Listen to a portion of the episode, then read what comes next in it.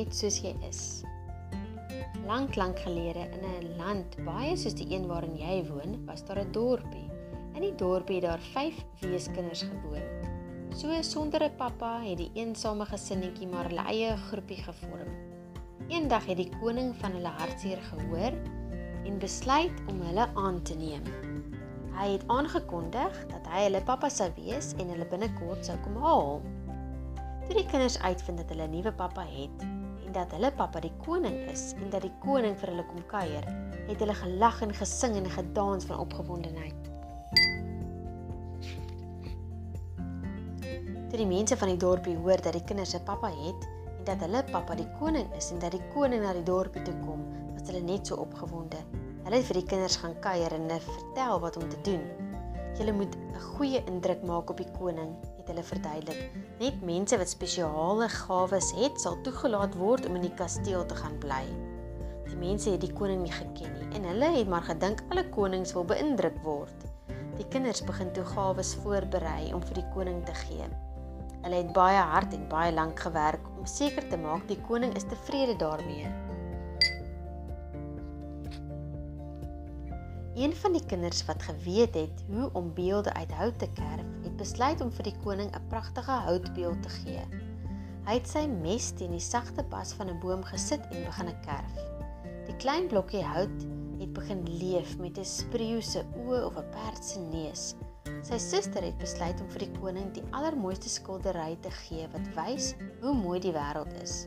'n Skildery wat verdien om in 'n kasteel te hang. 'n ander suster het musiek gekies om die koning te beïndruk. Sy sou vir ure oefen om te sing en die mandolin te bespeel. Die mense van die dorpie het by haar venster gaan staan en geluister hoe haar musiek wegsweef op die wind. 'n Ander kind wou die koning beïndruk met sy wysheid. Tot laat sou sy kers brand en sy boeke oop voor hom lê, aardrykskunde, wiskunde, wetenskap, so groot soos sy hart hartewens was. So ver het sy studieveld gestrek. 'n Koning sou tog seker al sy kennis waardeer. Daar was een sussie wat niks gehad het om te gee nie. Haar hand was lomp met die mes, haar vingers stokdom met 'n verfkwas. Wanneer sy haar mond oopgemaak het om te sing, was die klanke maar hees en vals. Sy het nie graag gelees nie. Sy het geglo sy het nie spesiale talent nie al wat sy kon aanbied was haar hart, want haar hart was goed. Sy het haar daar by die dorpie se poort deurgebring en gekyk hoe mense kom en gaan. Sy het 'n bietjie geld verdien deur mense se diere te versorg of kos te gee en daarmee sy vir haar broers en susters kos gekoop. Sy het maar net aan diere omgesien, maar sy het 'n goeie hart gehad. Sy het elke bedelaar se naam geken. Sy het elke hond se kop gevryf en sy het die reisigers terug verwelkom by die huis en vreemdelinge gegroet. "Vertel my van jou reis," sê sy vra. "Vertel my wat jy geleer het op jou reis. Hoe gaan dit met jou man? Hou jy van jou nuwe werk?" Sy het baie vrae gevra omdat sy 'n groot hart gehad het en omgegee het vir mense. Vir haar was almal dieselfde, bedelaars of rykes. Sy het vir almal omgegee net soos hulle was. Omdat sy gedink het sy het geen gawe en geen geskenk nie, was die dogtertjie bang die koning sou teleurgesteld wees. Sy het die mense van die dorpie se raad onthou en begin dink aan wat sy vir die koning sou maak as 'n geskenk. Sy het 'n klein metsie geneem en na haar broer toe gegaan wat beelde uit hout sny. "Kan jy my leer om beelde uit hout te maak?" sy gevra. "Jammer," het die jong kunstenaar gesê sonder om op te kyk. "Ek het baie werk om te doen. Ek het nie tyd om jou te leer nie. Die koning is op pad, jy weet." Dogtertjie die mes geberre en 'n kwas opgetel. Sy gaan toe na haar suster wat skilder. Die suster was op die heuwel besig om 'n sonsondergang te skilder. "Jy skilder so mooi," het die dogtertjie gesê, wat nie 'n gawe gehad het nie, maar so goedhartig was. "Ek weet," het die kunstenaar geantwoord. "Jy sal sal jy my leer om ook so mooi te skilder?" "Nie nou nie," antwoord die suster met haar oë op die verfbord. Die koning is op pad, jy weet. Die dogtertjie wat nie 'n gawe gehad het nie, dink toe aan haar ander suster, die een wat so mooi kon sing. "Sal jy my help?" het die dogtertjie saggies gesê. Toe sy by haar suster se huis kom, was daar 'n klomp mense wat gewag het dat haar suster moet sing. "Sussie," het het sy geroep. Ek het reg, ek het gekom om te luister en te leer, maar haar suster kon haar nie hoor nie. Mense se toejuiging was te hard. Hartseer het die dogtertjie omgedraai en weggestap. Toe onthou sy van haar ander broer. Hy het 'n boek met klein woordjies en groot letters geneem en na hom toe gegaan. Ek het niks om vir die koning te gee nie, het sy gesê. "Sal jy my leer lees sodat ek hom kan wys dat ek wysheid het?" Die jong seun wat hard geleer het om wys te wees, het stil gebly. Hy was verdiep in sy eie gedagtes. Kind sonder 'n gawe het weer gepraat.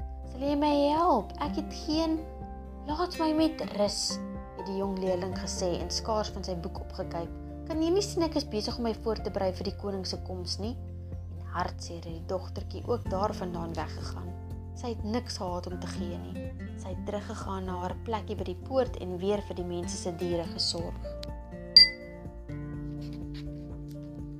'n Paar dae later het 'n man wat soos 'n handelaar aangetrek was na die dorpie toe gekom. "Sal jy vir my donkie kos gee?" het hy vir die dogtertjie gevra. Die weeskind het opgespring en opgekyk na die stowwerige gesig van die man wat ver gereis het.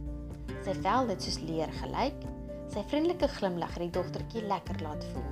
"Dit kan ek doen," het sy gretig geantwoord en die dier na die voerbak gelei. "Los hom by my. Wanneer u terugkom, sal hy versorg en gevoer wees. Gaan hy lank hier wees?"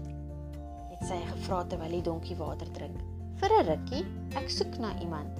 Is jy uitgeput van die reis? Ek is. Wil jy hier sit en rus? Die dogtertjie het na 'n bankie naby die mure muurbetuie. Die lang man het op die bankie gesit, teen die muur geleun, sy oë toegemaak en geslaap. Na 'n paar minute het hy wakker geword en die dogtertjie by sy voete sien sit. Haar oë stip op sy gesig Skaam omdat hy haar uitgevang het, het sy na hom staar, het sy weggedraai. "Sit jy al lank daar?" "Ja." "Waarna soek jy?" "Niks nie. Dit lyk of u 'n gawe man is met 'n hart vol vrede en dit is lekker om by u te wees." Die man het geglimlag en sy baard gestreel. "Jy is baie wys," het hy gesê. "Wanneer hy terugkom, sal ons weer kuier." Die man het nogal vinnig teruggekom. Het jy die mense gevind na wie jy gesoek het? het sy gevra. Ek het, maar hulle was te besig om my te sien. Wat bedoel u? Die eerste persoon wat ek besoek het, was iemand wat met hout werk, hard besig om 'n beeld te probeer voltooi. Hy het gesê ek moet môre terugkom. Die volgende persoon was 'n kunstenaar. Ek het haar op 'n heuwel sien sit, maar die mense aan die voet van die heuwel het gesê sy wil nie gesteer word nie. Die volgende een was 'n musikant. Ek het saam met ander mense na haar musiek geluister. Toe ek vra om met haar te praat, het sy gesê dat sy nie tyd het nie. Die ander persoon na wie ek gesoek het, woon nie meer hier nie. Hy het stad toe getrek om daar te studeer. Die dogtertjie se oë het al groter gerek soos hy besef wie die man is. Maar u u lyk nie soos 'n koning nie, sy verbaas gesê. Ek probeer om nie soos 'n koning te lyk nie, het hy verduidelik. Dit kan eensaam raak om 'n koning te wees, Mense tree snaaks op teenoor my. Hulle vra gunsies, hulle probeer my beïndruk, hulle kom kla by my. Is dit nie waar vir 'n koning daar is nie? die dogtertjie gevra. Natuurlik, het die koning geantwoord, maar daar is tye wanneer ek net by my mense wil wees. Daar is tye wanneer ek met my mense wil gesels, sommer oor hulle dag of om 'n bietjie te lag en 'n bietjie te huil. Daar is tye wanneer ek net vir hulle 'n pappa wil wees. Is dit waarom u die kindertjies aangeneem het? Dit dis waarom ek die kindertjies aangeneem het. Groot mense dink hulle moet my beïndruk. Kinders nie. Kinders wil net met my gesels. Hulle wil weet is hulle wil weet ek is lief vir hulle net soos wat hulle is. Maar my broers en susters was te besig. Ja, hulle was, maar ek sal terugkom. Dalk sal hulle op 'n ander dag nie so besig wees nie dogtertjie het 'n oomblik gehuiwer. "Meneer, wat van my? Ek het nie vir u geskenk nie, maar ek sou graag 'n kind wou wees." Die koning het geglimlag. "Kleintjie, jy het die beste geskenk gegee wat iemand maar kan gee. Jy het jou hart gegee deur jou vriendelikheid, jou tyd en jou liefde. Natuurlik kan jy my kind wees. Ek is lief vir jou net soos wat jy is." En so het dit gebeur dat die kinders met baie talente, maar sonder tyd die koning se besoek misgeloop het terwyl die dogtertjie, wie se enigste geskenk haar hart was, die koning se kind geword het.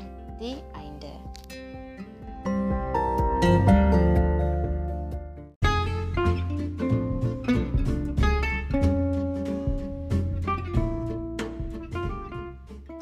Jy is myne. Pinkenolsie bly in 'n klein dorpie. Net soos die ander wemmels is hy van hout gemaak. Ellie, die wemmelmaker, het ook vir Pinkenolsie uit hout gemaak, net soos die ander wemmels. En soos die ander wemmels, doen Pinkenolsie soms dom dinge. Soos die keer toe hy bokse en balle begin bymekaar maak het. Dit het alles begin toe 'n wemmel met die naam Tokkie 'n nuwe boks koop. Van die ander wemmels het ook bokse gehad, maar Tokkie se sin was niet. Tokkie hou sommer baie van sy nuwe boks. Hy dink dit is die mooiste boks in die hele dorp. Die boks die mooiste kleure en Tokkie is baie trots op sy boks. Dalkies 'n bietjie te trots. Hy loop op en af in die straat met sy boks. "Het jy my nuwe boks gesien?" vra hy vir elke wemmel by wie hy verbyloop. "Wil jy graag daaraan raak?" Tokkie loop tot reg voor Pinkenolsie. "Wens jy nie jy het ook 'n nuwe boks gehad nie?" terg hy. Die boks is vir Pinkenolsie baie mooi en hy begin sommer wens vir sy eie boks. Tokkie loop nog steeds en spog met sy boks. Hy dink hy is beter as die ander wemmels omdat hy 'n nuwe boks het. Nik is ook 'n wemmel. Hy dink glad die Tokkie se boks is beter as syne nie. My boks is net so goed soos Tokkie se, sê hy terwyl hy sy boks vir 'n groepie wemmels wys. Nik se boksie is nou wel oud, maar dit is 'n bietjie groter en die kleure is helderder. Daarvan hou Tokkie net mooi niks. Tokkie word al stiller en kyk Nik kwaai aan. Toe kry hy 'n blink plan. Hy gaan by 'n winkel in en koop vir hom 'n bal. Nou het hy meer dinge as Nik, 'n boks en 'n bal. Nik frons. Hy kan mos beter doen as dit en koop twee balle. Met twee balle en 'n boks stap hy met 'n glimlag na Tokkie toe. Nou het ek meer as jy, lag hy. Sommer gou is Tokkie terug in die winkel. Hy koop nog 'n boks en Nik hardloop om nog 'n bal te koop. Toe koop Tokkie 'n bal en Nik koop 'n boks. Bal boks bal boks Tokkie Nik Nik Tokkie en so hou die twee wemmels aan. Iemand kon die hele storie net daar laat einde kry het. Die burgemeester het nogal probeer. Julle twee sommer laf, sê hy vir Tokkie en Nik. Weet jy tog om wie die meeste balle en bokse het? Jy's net jaloers omdat jy niks het nie, sê Tokkie Nik vir hom. Jaloers op julle? Ha, sê die burgemeester. Maar dis nie lank nie of hy is in die winkel om vir hom 'n groot klomp balle en bokse te koop. Ander wemmels begin ook balle en bokse koop. Die slagter, die bakker en die meubelmaker, die dokter en die tandarts, sommer gou wil elke wemmel die een wees met die meeste balle en bokse.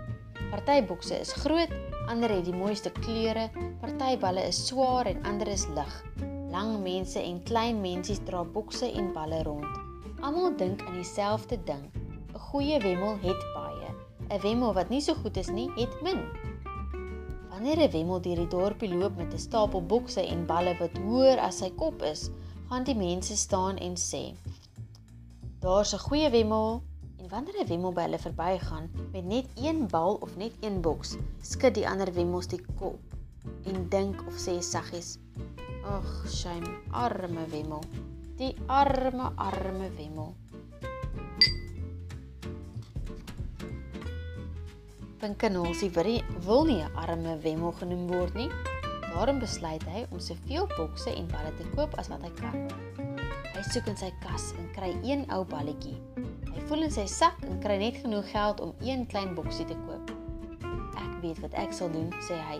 Ek sal my boeke verkoop sodat ek meer geld het om boksies en balle te koop.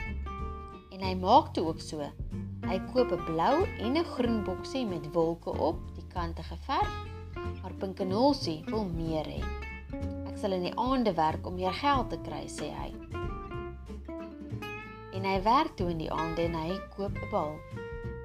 Omdat hy in die aande gewerk het, het hy nie meer 'n bed nodig gehad nie. En toe besluit Pinkenolsie, ek sal my bed ook verkoop.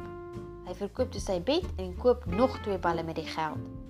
Gou het Pinkenolsie baie balle en bokse, maar die ander wemmels het meer. Party van hulle het soveel balle en bokse, hulle kan amper nie loop nie. Dit is moeilik om die klomp goed te dra, sê hulle so al of hulle kla, maar eintlik spog hulle.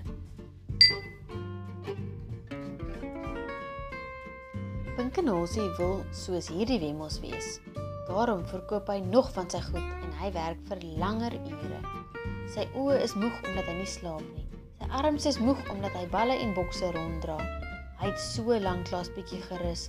Hy kan nie eens meer onthou wanneer dit was nie. En die ergste van alles is Pinkenosie se vriende kan nie onthou wanneer laas hulle met hom gespeel het nie. Ons het jou lanklaas gesien, sê sy vriend Lolla eendag vir hom. Kom speel bietjie saam met ons, roep sy vriend Spyker. Nie almal het omgegee of hulle bokse en balle het nie. Pinkenosie se vriende het nie, maar Pinkenosie gee meer om oor balle en bokse as wat hy omgee vir sy vriende.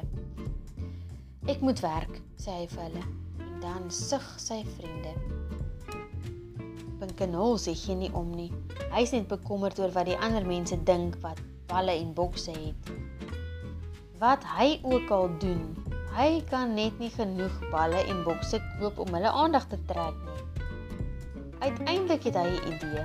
Ek sal my huis verkoop, besluit hy. Dis laf, roep Lolla uit.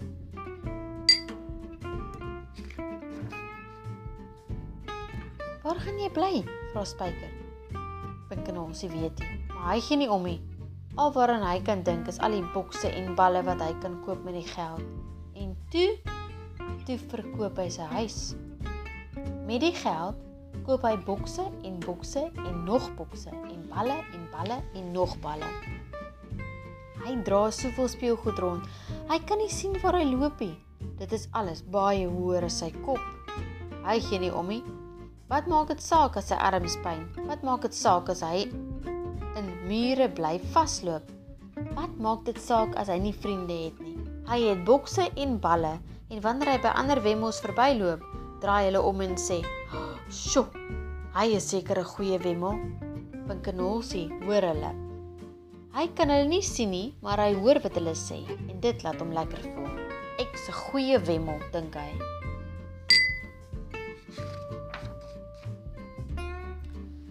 Toe verander iemand die reëls van die speletjie. Die burgemeester se vrou Sy is baie trots op haar bokse en balle. Sy het sommer baie balle en bokse. Maar haar balle en bokse is ook baie spesiaal. Sy koop hulle by spoggerige winkels met snaakse name en dan los sy die name op die bokse sodat almal dit kan sien. Sy wil die beste wemmel van al die wemmels wees. Op 'n dag het sy 'n idee. Ek sal nie net die meeste hê nie, ek sal ook die hoogste wees. Sy klim bo op haar bokse en roep: "Kyk na my, julle almal!" Dadelik probeer die balle en bokse mense om hoër as sy te wees. Een klim bo op 'n fontein, iemand anders op 'n ballon, ag balkon, nog iemand op 'n dak, maar dit is die burgemeester wat die berg raak sien. Net agter die Wemmel se dorpie is daar 'n berg. Ek gaan na die spits van die berg toe, roep die burgemeester uit. Hy wil eerste daar wees. Die nuwe kompetisie om te sien wie die meeste bokse en balle het en die hoogste kan klim, het begin. Wemmels met hoë bokse en balle begin teen die berg ophardloop. Dit is 'n demekaar spel. Omdat die houtmense nie kan sien waarheen hulle gaan nie, hardloop hulle mekaar vas. Omdat hulle moeg is, struikel hulle oor hulle eie voete omdat die paadjie so nou is, val party van hulle in die lang gras langs die paadjie, maar hulle hou aan met hardloop. Pinkenosie is heel agter. Hy sukkel meer as die ander wemmels om te klim. Hy mos nog net vir 'n kort rukkie 'n goeie wemmel. Hy is nie gewoond daaraan om so baie bokse en balle te dra nie, maar hy is vasberade. Hy hou net aan om die een houtvoetjie voor die ander een neer te sit. Maar omdat hy nie kan sien nie, weet hy nie hy is op die rand van die paadjie nie en omdat hy nie kan sien nie weet hy nie toe hy van die paadjie afdwaal nie al wat hy weet is dat hy skielik stoksiel alleen is Ek is seker voor al die ander dink hy. Daarom bly hy klim. Al hoe hoër en hoër. Ek moet naby die spits wees. Ek is so 'n goeie wemmel. Ek sal die wemmel wees wat die hoogste is en die meeste het. Net toe haak sy voet aan iets vas. Hy probeer sy balans hou. Al die balle en bokse wieg van links na regs. Hy leun agtertoe, toe vorentoe, maar hy kan nie stop nie. Hy gaan val. Hy gaan val. Hy weet nie hy het tot by Ellie se huis geloop nie. Hy struikel oor 'n trappie en tuimel deur die voordeur tot binne in Ellie se werkswinkel. Toe Pinkenosie besef waar hy is, kry hy baie skaam. Vir 'n lang tyd bly hy op die grond lê tussen die bokse en balle. Een van die balle rol oor die vloer tot by Ellie se werksbank en toe draai die houtsnyer om. Pinkenosie. Ellie se stem is kalm en diep en vriendelik. En die wemmel lê nog steeds doodstil. Hy kan voel hoe word sy houtgesiggie rooi. Dit lyk of jy swaar gedra het moe wemmel gaan staan op sy knieë, maar hou sy kop nog afgebuig. Dit is my balle en boksies, sê hy saggies. Speel jy met die balle en die boksies? vra Ellie. Knolsie skud sy kop. Hou jy van die balle en die boksies? Ek ek ek hou van hoe hulle my laat voel. En hoe laat hulle jou voel? Belangrik antwoord Pinkenosie in 'n klein stemmetjie. Hmm, sê Ellie. Jy het soos die ander wemmels gedink. Jy het gedink hoe meer jy het, hoe 'n beter wemmel is jy en hoe gelukkiger sal jy wees. Ja, ja, dit is dit is seker so. Kom hier Pinkenosie, ek wil jou iets wys. Pinkenosie lig sy kop op en kyk vir die eerste keer na Ellie. Hy is verlig om te sien dat die wemmelmaker nie kwaad is nie. Pinkenosie volg Ellie tot by die venster. "Kyk na hulle," sê Ellie. Pinkenosie kyk by die venster uit na die klomp wemmels wat steeds die berg uitklim. Hulle tuimel en struikel, baklei met mekaar en stamp mekaar uit die pad uit net om voor te kom. "Lyk hulle vir jou gelukkig?" vra Ellie. Pinkenosie skud sy kop lyk hulle belangrik. Glad nie, sê Pinkenosie terwyl hy vir die burgemeester en sy vrou kyk. Die burgemeester lê op die grond en sy vrou trap op sy rug. Sy het 'n boks op haar kop en hy het 'n bal in sy mond. Dink jy ek het wemmels gemaak om so op te tree? vra Ellie. Nee. Pinkenosie voel 'n hand op sy skouer. Weet jy hoeveel jou bokse en balle jou gekos het?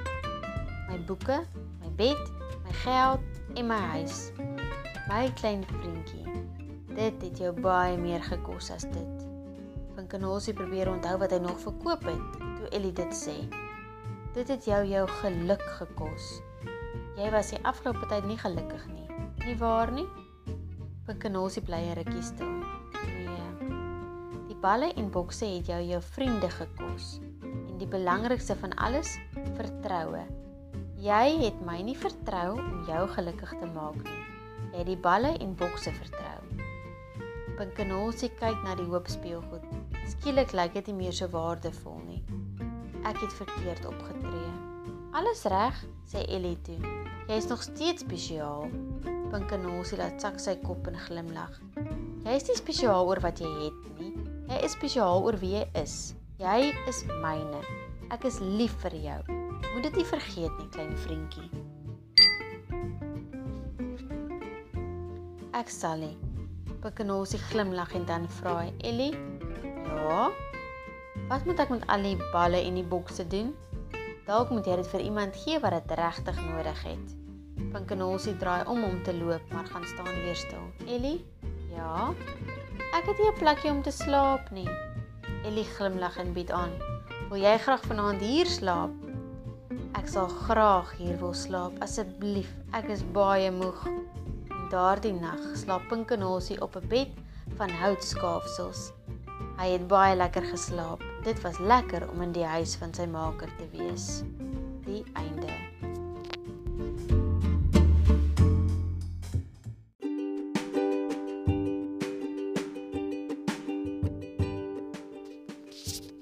Omdat ek jou liefhet. Lank lank gelede in 'n ver land wat baie anders was as enige land wat jy nog ooit gesien het, het 'n wyse man met die naam Shaddai gewoon. Shaddai was 'n groot man met 'n teer hart. Sy oë was helder blou en sy baard lank en dik. Hy het baie gelag en dan het dit gelyk of sy wange sommer sulke ronde balletjies word. Wanneer hy sing, het alles stil gaan staan om te luister. Hoë bome sou buig, eetkoring skoenlappers en voeltjies sou stil word. Selfs die kinders sou hulle ore spits wanneer hulle sy stem hoor. Dit kon ook nie anders nie, want dit was vir hulle wat hy gesing het. En vir die kinders het Shaddai 'n pragtige dorpie gebou. Dit was beter as enige kind se hartste wens. Die kinders het in die potblou spruit geduik. Hulle het gekraai van die lag terwyl hulle hoog deur die lug skiet op die swaaye wat aan appelboomtakke hang. Hulle het woordswarts gehardloop oor die gras en gegiggel tussen die bome. Dit het gevoel of die son nooit te vroeg ondergaan nie en die koel nag het altyd rus en stilte gebring. En die beste van alles was dat Shaddai altyd naby was. Wanneer Shaddai nie op die groot groen grasperk of tussen die bome saam met die kinders was nie, was hy in die werkswinkel met die kinders by hom. Hulle het graag by hom gesit terwyl hy werk. Hulle het gehou van die reuk van die houtsaagsels om te hoor hoe hy sing en hoe om dop te hou terwyl hy 'n stoel uit hout sny of 'n tafel maak van 'n boom. Hulle sou rondom Shaddai staan en beurte maak om hulle klein handjies plat teen sy groot hand te druk.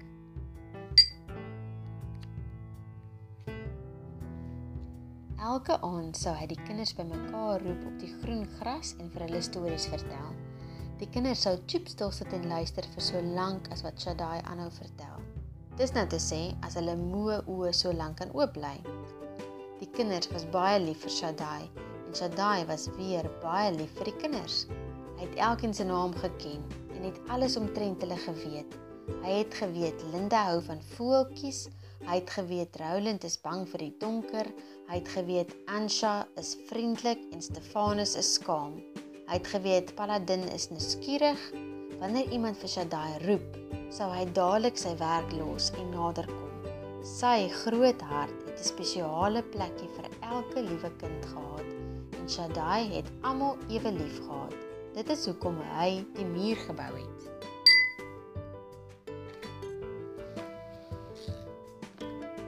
Die muur gebou van klippe wat bo op mekaar gepak is, was reg rondom die kinders se dorpie. Shaddai het elke liewe klip self aangedra om die muur te bou. Die muur was hoër as Shaddai. Selfs as hy sy arms uitstrek, so hoog as hy kan, kon hy nog nie aan die bokant van die muur raak nie. Dit het hom dae geneem om dit te bou. En terwyl hy gebou het, het hy nie het hy nie gesing nie. Buite hierdie dorpie was daar 'n gevaarlike bos. Terwyl Shaddai die muur bou, sou hy baie keer na die donker skaduwees van die bos kyk. Dit was vol wrede dorings en wille ongediertes en groot gate waarna 'n mens kon val. Die kinders vir wie Shaddai so lief was, hoort nie daar nie. Daar is gevaar buitekant die muur. Sou hy die kinders ernstig waarsku? Julle is gemaak vir hierdie dorpie binne die muur, nie vir die gevaarlike wêreld daar buite nie. Bly by my, dit is veilig In sy hart het hy geweet dit is nie meer lank nie.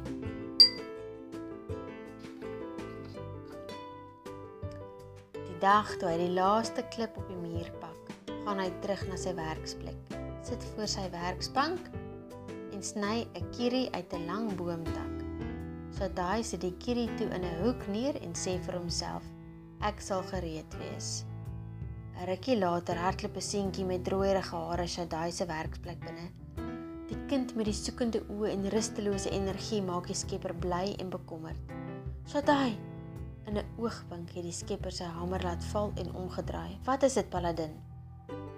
Die seun het met drukke en stote gepraat terwyl hy na asem hyg. "Die muur, ek het 'n gat ontdek. Dit is 'n groot gat." Die seun het sy hande gereg om te wys hoe groot die gat is. Iemand kan dalk daardeur kruip.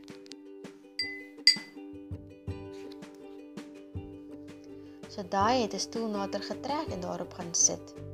Ek het geweet dit sal jy wees, Paladin, my kind. Sê vir my, hoe het jy dit gekry? Ek het al langs die muur geloop op soek na gate. Paladin aarzel, verras dat Shaddai geweet het. Ja, ek het na gate gesoek sodat jy die bos kan sien. Was nuuskierig, Shaddai. Ek wou weet hoekom jy nie wil hê ons moet soontoe gaan nie. Hoekom is dit so gevaarlik? Shaddai bedui toe vir die seun om na hom toe te kom. Toe Paladin nader kom, vat die skepper die klein gesiggie in al twee sy hande en lig dit op sodat die seun reguit in sy oë kon kyk. Shaddai se ernstige gesig het Paladin se maag sommer so hol laat voel. Paladin luister na hom. Die wêreld daar buite is nie die plek vir jou nie.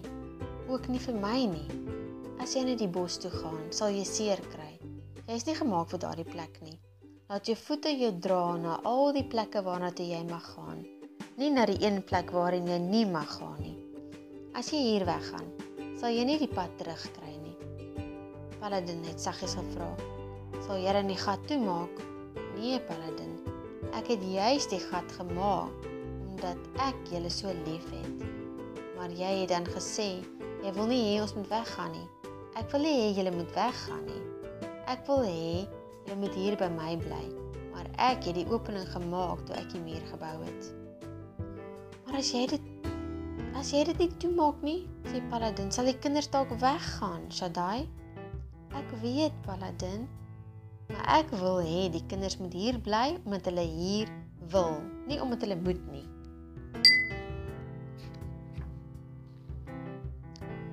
Paladin kon dit nie verstaan nie. Hy het ongemaklik gevoel en omgedraai om te loop. Hy moes gaan dink oor wat Shaddai gesê het. Toe hy uitstap in die sonlig, kyk hy om na die werkswinkel. Shaddai het nog steeds op sy stoel gesit en na Paladin gekyk. Paladin was te mekaar. 'n Deel van hom wou veilig in Shaddai se werkswinkel bly, maar 'n ander deel het hom nader getrek na die muur toe. Hy het weer na die werkswinkel gekyk. Hierdie keer het Shaddai regop gestaan Hy het doodstil gestaan en net sy groot hand na die seun toe uitgehou. Maar Paladin het gemaak asof hy dit nie sien nie en vinnig omgedraai. Hy het so vinnig geloop as wat hy kon, eers sonder rigting, toe net in een rigting, die muur. Ek sal nie te naby gaan nie, het hy vir homself gesê. Ek sal net hierdie gat loer. Met elke tree het hy aan nog vrae gedink. Hoekom wil ek juist doen wat Shaddai wil hê ek nie moet doen nie. Hoekom is ek so nuuskierig? Is dit so verkeerd om te wil sien wat buite die muur is? Teen hierdie tyd was Paladin al by die gat. Sonder om te dink, het hy op sy maag gaan lê en hom net genoeg deurgewikkel om sy kop aan die ander kant uit te steek. Ek sal net vinnig loer, het hy vir homself gesê. Wat is verkeerd daarmee? Shaddai het gesê hy die muur gebou omdat hy ons liefhet. Ek wonder wat tik hy vir my weg. Asof sy knieë 'n lewe van hulle eie gekry het, kruip Paladin verder. Hy was vinnig deur die gat en aan die ander kant van die muur. Hy het stadig regop gaan staan. Vir 'n hele rukkie het hy glad nie beweeg nie. Hy het gewonder of iets tussen die bome sou uitspring en hom seermaak. Niks het nie met sy skouers ontspan en gesig. Hmm. Dis nie so erg nie, het hy hardop gesê. Dis lekker hier buite. Waarom was Shaddai so bekommerd?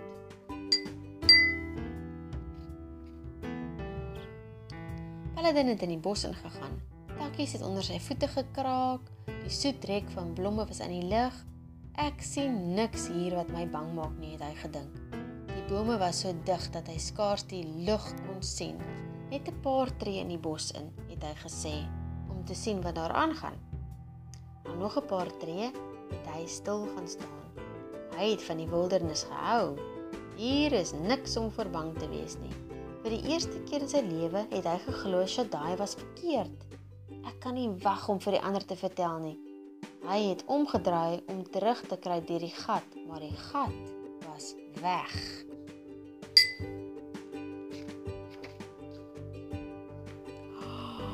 Hy het stil gaan staan en weer mooi gekyk, maar hy kon so waar nie 'n gat sien nie. Paladin het na die muur toe gehardloop. Was hierdie die plek waar hy deur gekruip het of was dit nou die ander plek? Hy kon nie onthou nie. Hy het 'n paar tree hierdie kant toe gehardloop en weer 'n paar tree daardie kant toe. Was geen gat nie. Skielik het hy 'n snaakse geluid in die bos agter hom gehoor. Hy het omgeswaai maar niks gesien nie. Paladin het na die bos gekyk. Dit het nou nie meer vriendelik gelyk nie. Dit was donker en gevaarlik asof dit hom wou seermaak. Paladin het desperaat na die gat in die muur gesoek. Hy kon nie oor die muur klim nie. Hy kon nie deurbreek nie. Daar was geen manier om huis toe te gaan nie as jy hier weggaan, sal jy nie die pad terugkry nie. Het hy Shaddai se woorde weer in sy gedagtes gehoor. Die seun se oë was groot van bang wees. Hy het op die grond gaan sit en sy knie opgetrek tot teen sy bors en begin huil. Terwyl Paladin daar bang en alleen op 'n hoopie sit, onthou hy nog iets wat Shaddai altyd gesê het: "Ek het jou baie lief." Is hy lief genoeg vir my om my te kom soek? het die seun gewonder. Sal my hoor as ek vir hom roep, sal hy my hoor? Shaddai, Shaddai, ek is baie jammer dat ek nie na jou geluister nie. Kom help my asseblief. Nog voordat Paladin geroep het, het die een wat hom liefhet, al hierdie woorde gehoor want terwyl die seun weggeloop het van Shaddai se werkswinkel af, het die skepper hom dopgehou vir so lank as wat hy kon. Toe hy Paladin nie meer kon sien nie, het Shaddai omgedraai nie om weer te begin werk nie, maar om sy oorjas uit te trek. En hy het sy gereedskap gebeere. Daarna het hy die kierie in die hoek opgetel, die een wat hy gemaak het nadat hy die muur gebou het. Nog voordat Paladin by die muur was, het Shaddai al uit die werkswinkel geloop. Nog voordat Paladin vir hulp gevra het, was Shaddai al op pad om hom te help. Nog voordat die gat in die muur toe gegaan het, het Shaddai 'n nuwe gat gemaak. Sy sterk hande het die klippe uitgehaal totdat die totdat hy die bos kon sien. Shaddai het deur die gat buitentoe gekruip met sy kierie by hom. Hy het uit die dorpie gegaan wat hy binne die muur gebou het en na sy kind gaan soek.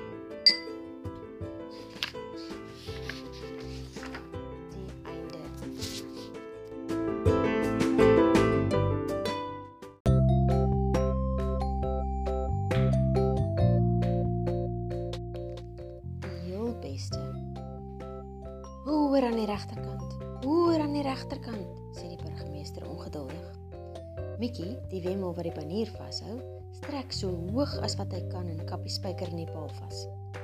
"Is dit beter?" Hy het nog skaars klaar gepraat of die leer begin kantel. Eers na die een kant toe, dan na die ander kant toe. Kaboom. Mikkie gryp na die spyker wat hy nou net ingeslaan het en hang daaraan. "Dis perfek," sê die burgemeester. "Absoluut perfek." terwyl die wemmels vinnig nader hardloop om vir Mikkie te help. Lees die burgemeester se vrou die woorde op die banier. Wemmeldorp verwelkom, alta wonderlik. Sy klap haar hande terwyl sy lees en sê: "Ag, wat 'n wonderlike dag. Wie sou nou ooit kon dink dat so 'n beroemde persoon na ons dorpie toe sou kom? Julle weet wat sê hulle of hoe?" Almal staan nader. As dit by Wemmels kom, is sy die heel beste. Pinkenolsie en Lolla is ook daar hoor wat sy sê. Net soos al die ander Wemmels is hulle van hout gemaak deur Ellie die Wemmelmaker. Anders as die res van die Wemmels, verstaan hulle nie mooi nie. Vertel weer vir my, vra Pinkenolsie die burgemeester se vrou. Hoekom is sy so beroemd? Want almal ken haar. Maar hoekom ken almal haar? Omdat sy beroemd is.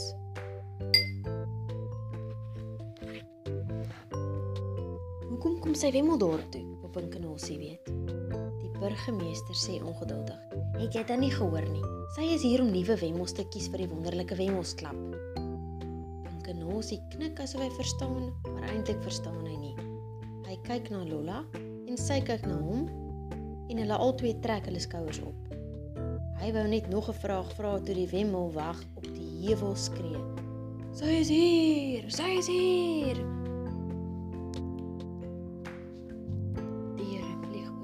Mense storm uit die winkels uit. Wemmels kom met alle rigtings na Hoofstraat toe. Pa stel kinders op. Hulle skouers en kort wemmels druk verby almal sodat hulle heel voor kan staan. Daar is 'n vreeslike lawaai soos mense skree en wys en op hulle tone staan sodat 'n houtsoldaat in 'n deftige uniform in die pad verskyn. Totdat 'n houtsoldaat in 'n deftige uniform in die pad verskyn opgerolde stuk papier in sy hand en 'n trompet om sy nek, marseer hy oor die Wemmelrivier brug en gaan staan voor die skare. Hy kyk reguit voor hom uit staan doodstil totdat almal stil bly. Hy rol die papier af en af en begin hardop lees. Sy kom uit die beste woud, gekarf uit die sterkste hout. Sy is vol sap, net die beste, so waardevol soos goud. Verwelkom wemmels na julle dorpie so klein, die heel beste hout met die edelste grein. Sy is alta wonderlik.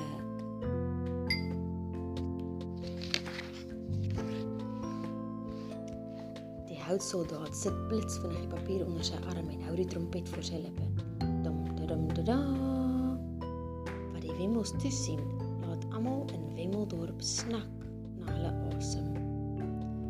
'n Klomp soldate kom die hoek gemarseer en op hulle skouers dra hulle 'n groot boks met gordyne om. Agter hom hoor Pinkenals die mense fluister. Dit dit is sy, dit is sy daai. Die boks rus op twee pale en die pale rus op vier soldate se skouers. Twee soldate loop voor en twee loop agter. Die enigste geluid is hulle stewels op die houtbrug.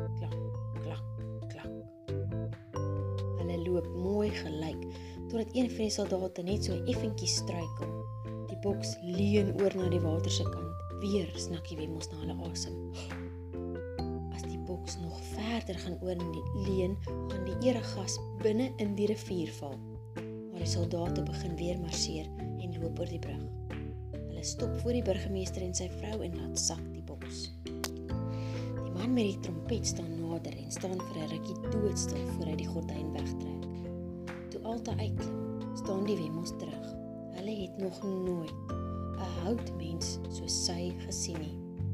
Vere wip op haar hoed, haar oorballe hang tot op haar skouers. Haar lippe en haar rok is helder rooi. Sy het hoë skoene, lang naels en 'n groot goue letter M hang om haar nek.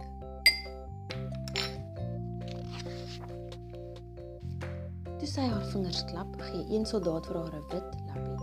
Sy vee versigtig die M daarmee af en hou dit soos 'n spieël vir haar gesig. Toe sy haarself daarin sien, glimlag sy en maak haar hare mooi. Alta wonderlik is baie in haar skik met haarself. Met haar lang naels in die lug, kyk sy af en steek haar hand fyntjies uit. Hmm. Die burgemeester se vrou weet wat dit beteken en stamp aan haar man. Sonorant, sonorant. Toe die burgemeester Alta se hand soen, sê sy: "Julle kan baie gelukkig wees dat ek hier langs gekom het." Sy glimlag, druk weer haar neus in die lug en hou steeds haar hand uit. Die burgemeester se vrou buig en beduie vir die ander wemmels om dieselfde te doen en hulle doen dit, selfs die mans. Sal ons voortgaan sodat almal my kan groet? Natuurlik, antwoord die burgemeester. Kom kom, kom staan almal in 'n ry. Een vir een beweeg die wemmels voor hulle besoeker verby. Op alles wat hulle sê, antwoord sy net: "Ja, ja." Welkom in ons dorpie. Ja, ja. Ons is bly jy is hier. Ja, ja. Ons is baie geëerd. Ja, ja.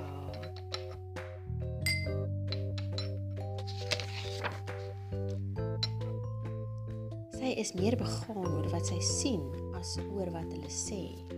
So nou en dan staar sy lank na 'n wemmel. Sy ondersoek die wemmel eienaar se neus, die winkel eienaar se neus en sy seun se oor. Sy streel met haar duim oor 'n huisbouer se hand en kyk vir 'n lang ruk na die verwer se voorkop. Niemand weet hoekom sy dit doen nie en niemand vra ook nie. Al maak die burgemeester se vrou of sy weet, sy knik wanneer die beroemde gas knik en sy sug wanneer Alta sug. Dan is dit Pinkenholsie en Lolla se beurt. Toe sy vir Pink en Halsey sien, staan Alta terug voor hy haar hand raak. Sy druk weer haar neus in die lug, baai haar hand en beveel: "Toe toe toe."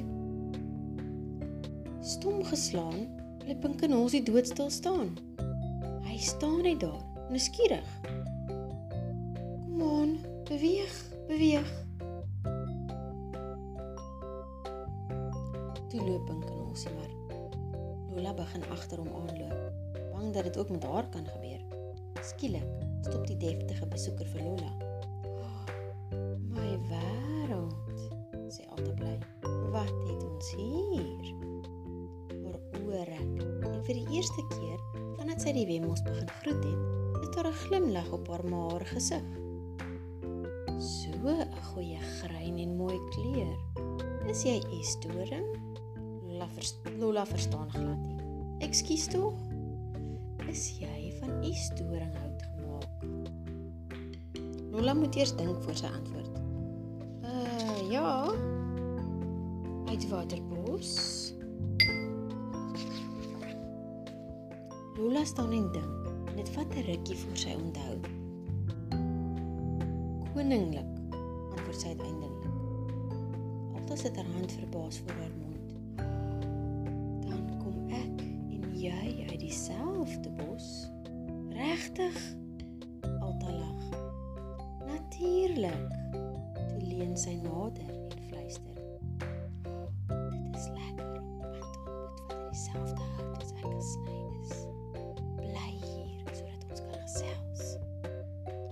Lola bly toe. Tussen die groetery deur sê Alta saggies, goed soos: "Jeg, kyk die kroetsigere hout." of sulke lelike hout of beslis van die verkeerde kant van die berg. Lola verstaan dit glad nie, maar sy sê niks nie. Na al die groetery bedui Alta dat Lola nader moet kom. Ons moet môre uh, weer gesels. Wil ietsie vir jou gee. sê Alta en vat die M om haar nek. Toe draai sy om en loop saam met die soldate en die burgemeester en sy vrou loop agter Knolsie loop na Lola toe. Het ek iets verkeerd gedoen? Maar ek weet nie. Het jy iets reg gedoen? Ek weet nie. Hoekom is hy so vriendelik met party wemmels en so ongeskik met ander?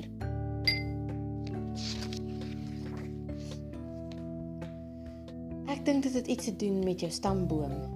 My wat? Die bos waar jy vandaan kom. Hoekom maak dit saak? Nee, ek weet nie, jong. Hulle draai toe maar om en loop sonder om te praat. Hulle het nie geweet hulle verskil nie. En nou dat hulle dit weet, weet hulle nie hoe om daaroor te voel nie. Ehm, um, ek sien jou môre, sê Pinkenosie toe. Ja, ja, seker, antwoord Lola. Een van die twee voel baie gelukkig nie. Soos die dae verbygaan, sien hulle mekaar al hoe minder. Alta wonderlik het sommer gou haar gunsteling Wemmels gekies vir die wonderlike Wemmelsklap. Lola is een van hulle. Die winkelier en meneer en mevrou burgemeester is ook gekies. Altyd vir elkeen 'n M gegee om om hulle nek te dra. Die M staan vir mooi, want julle is uit estoringhout gesny. Die heel mooiste hout. Verduidelik altyd te sê vir hulle wys hoe om die M blink te vryf. Al die wemmels is nie dieselfde nie.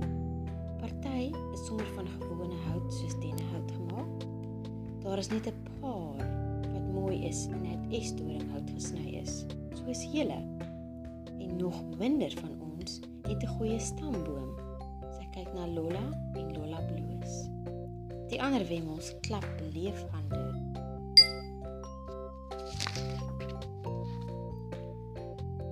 party wemmels is wilgers. Sê altyd en trek haar lip op asof sy iets slegs proe. Wilgers, Wilgerbome het swak hout. Verduidelik die estoring wemmel. Dit buig en kneus. Die wortels is vlak. Niemand wil 'n wilger wees nie. Ken jy enige wilgers? Vra die burgemeester se vrou. Daar is een in julle dorpie. Hulle leun almal nuuskierig nader.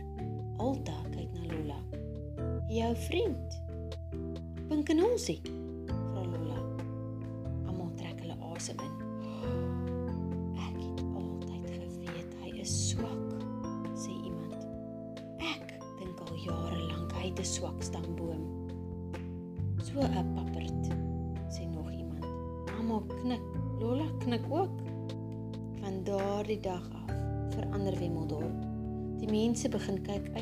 Soort hout die ander gesny is.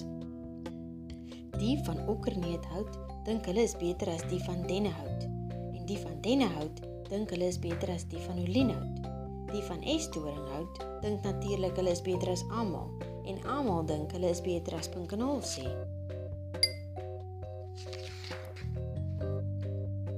Die okkerneethoutwemmels vorm hulle eie klap en maak 'n paar takke oop. Die olienhoutwemmels maak 'n pad en noem dit Olienhoutstraat. Die estorings bou 'n boomhuis en hou partytjies waar hulle hulle M's blink vryf. Elkeen het 'n groep, behalwe Pinkenolsie. Selfs Lola ignoreer hom. "Hallo Lola," sal Pinkenolsie na haar roep. "Ja, ja," sal sy antwoord sonder om te stop.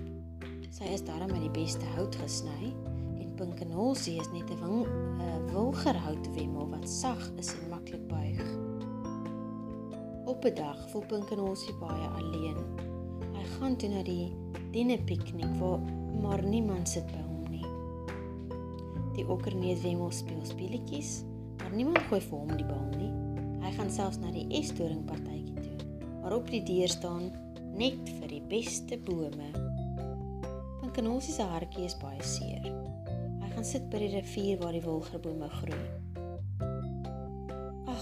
Hoekom is ek 'n wolgerwemmer? sê hy sommer hardop. Watter soort wemmel wil jy dan wees? Begin ons skrik toe hy die stem hoor. Hy draai om en hy sien vir Ellie die wemmelmaker. 'n Estoring wemmel. 'n Estoring wemmel, vra Ellie. Sou jy eerder van estoring gemaak wou wees? Pinkenolsie antwoord nie. Hartseer en skaam laat sak hy sy kop. Ellie loop nader, sit sy vinger onder Pinkenolsie se ken en lig sy kop op. Die ander wemmels is beter as ek, sê Pinkenolsie vir hom. En wie sê so? Almal. Ellie sug en skud sy kop. Kom hier. Die twee loop na die wolgeboom toe. Pinkenolsie. Wie weet die beste? Die wemmels die wemmelmaker? Elsie glimlag. Die wemmelmaker natuurlik. Natuurlik weet ek die beste. Dink jy?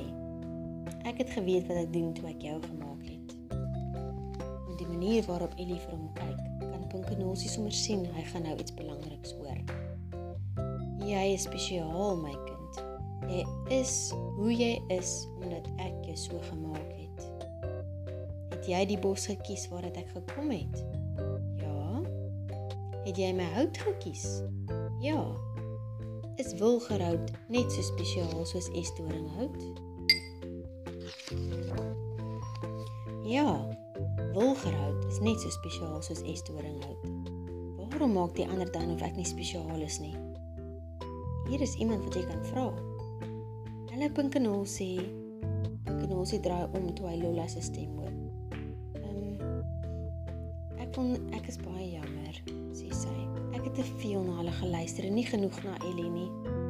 Pinkenolsie trek sy skouers op. Hy sien sy dra nie meer die M om haar nek nie. Dis alles reg. Hulle albei glimlag. "Wil jy terug aan dorp toe?" vra sy. Alta wonderlik gaan vandag weg. "Ja, ek sal daarvan hou." Die twee groet vir Ellie en loop Wemmeldorp toe. Baie wemmels kyk vir hulle toe hulle in die dorp aankom. 'n Paar fluister wys na die estoring wemmel en die wilgerwemmel wat langs mekaar loop. Maar Pinkenolsie en Lola gee nie om nie. Hulle is bly hulle is weer vriende. Al die wemmels is daar om altyd wonderlik te groet. Sy klim in haar boks en bedui dat sy reg is om te gaan. Haar soldate marseer trots en die houtsoldaat blaas hard op die trompet. Oral langs die rivier staan wemmels en kyk wat gebeur. Nuwe lede van die wonderlike Wemmelsklap dra hulle spesiale T-hemde met trots. Toe hulle oor die brug gaan, waai Alta wonderlik haar goue medalje in die lug rond. Vaarwel, waardelose Wemmels. Miskien sal ek julle weer eendag eer met my teenwoordigheid, roep sy uit. Alta leun by die venster van haar spesiale boks uit sodat almal haar kan sien. maar toe leun sy te ver uit en sy begin val. Net voordat sy in die water val, hak haar medalje sy kettingkie aan die brugreëling vas. Toe dit breek, gryp sy die een punt vas en daar hang Alta in die lug, bo kan die bruisende rivier. Die wemel skrik groot. "Help haar!" skree die burgemeester, burgemeester se vrou. "Red haar!" skree iemand anderste. Maar niemand kan by haar uitkom nie, sê 'n ander wemel. "Ek kan nie meer vashou nie," gil Alta. Die soldate probeer, die wemels probeer, maar niemand kan haar help nie. Hulle hout kan nie genoeg buig om onder die brug by te kom nie. "Laat ek probeer," skree Pinkenosie. "Daar is niks fout met my hout nie. Ek is gemaak van die regte soort hout." Pinkenosie hardloop sommer dadelik na die kant van die brug toe en gaan sit met sy rug na die rivier toe. "Hou my bene vas." Die soldate doen dit en Pinkenosie lê ver agteroor totdat hy onderste bo hang en draai dan om. Hy sien dadelik die wemmel met die groot oë. Sy hou aan die ketting vas terwyl haar voete in die water hang. "Ek kom, ek kom!" skree Pinkenosie. Tot almal se verbasing leen hy toe ver terug totdat hy onder die brug is waar hy vir Alta kan help. "Vat my hand," sê hy vir haar. Hierdie keer sy nie om aan watter soort hout sy raak nie. Sy gryp sy hand en hou dit styf vas. "Jy moet die ketting los," sê Pinkenosie vir haar doen wat die klein wemmel sê en los haar kosbare medalje. Sy kyk hoe dit in die rivier val. Pinkenosie swaai vorentoe en lig Alta hoog genoeg op sodat die soldate haar kan gryp. Sommer gou is Pinkenosie en Alta veilig op die brug. Daar is oral wemmels om hulle om hulle wat wil weet. Hoe het jy dit reg gekry? Dit is maklik as jy van die regte hout gemaak is, sê hy met 'n groot glimlag. Vir 'n hele rukkie is dit doodstil. Toe loop een van die estoring wemmels na Pinkenosie toe. Hy haal die M van sy ketting af en draai dit om sodat dit soos 'n W lyk. Ons het nou genoeg stories gehoor van kamptige mooi hout. Kom ons wees net wemmels. Hy hang die W om Pinkenosie se nek en sê: "Pinkenosie, jy is vandag die beste wemmel." Een vir een haal die wemmels hulle M's af en sit dit voor Pinkenosie op die grond neer. Gou-gou is daar sommer 'n hele hoop medaljes. Selfs die burgemeester en sy vrou haal hulle sinne af. Maar sy kyk eers 'n laaste keer na haarself en haar M voor sy dit neersit. Toe loop al die wemmels terug dorp toe. Die laaste ding wat hulle van Alta wonderlik onthou is hoe sy langs die rivier soek na haar kosbare goue medalje. Die wemmels besluit om nie meer te praat van stambome nie, maar om net weer wemmels te wees. En Pinkenosie, hy het 'n nuwe werk gekry. "Haai Pinkenosie," sê 'n nuwe wemmelvriend op pad terug dorp toe. "Daar sit 'n bal in my skoorsteen vas. Dink jy jy sal dit dalk kan uitkry?" En toe hy dit reg kry, kyk Pinkenosie op teen die heuwel. Ellie staan op sy huis se stoep en kyk na Pinkenosie. Pinkenosie waai vir hom en die wemmelmaker lag.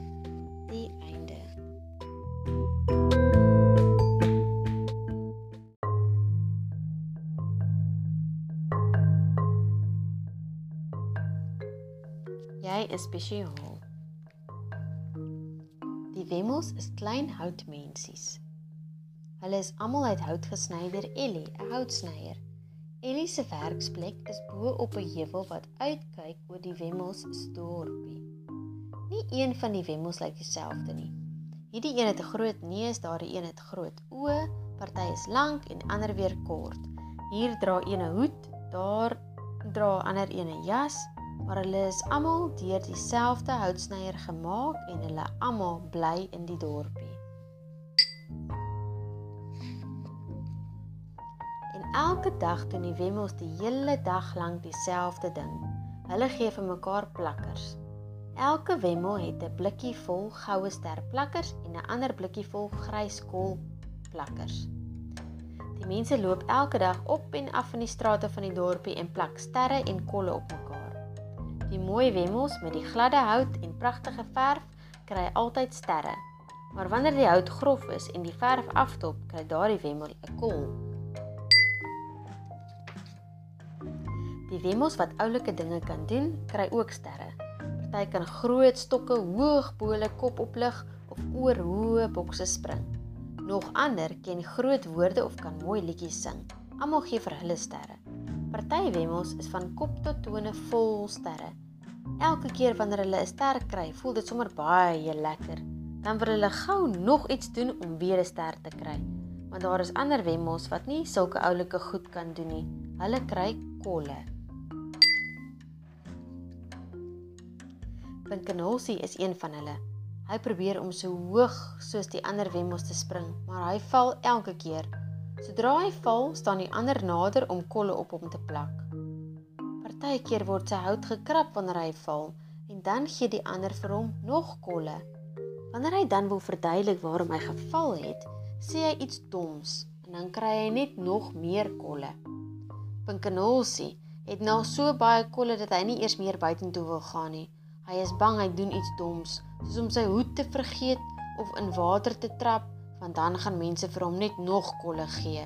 Om die waarheid te sê, hy het nou al so baie kolle dat mense sommer sonder rede nog kolle op hom kom plak.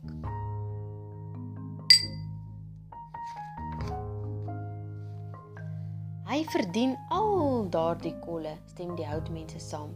Hy is nie 'n goeie houtmens nie. Pinkenolsie begin hulle nou te glo. Ek is 'n slegte wemmel, sê hy. Paar keer wanneer hy dit wel waag om buitentoe te gaan, staan hy maar by die ander wemmels wat ook baie kolle het.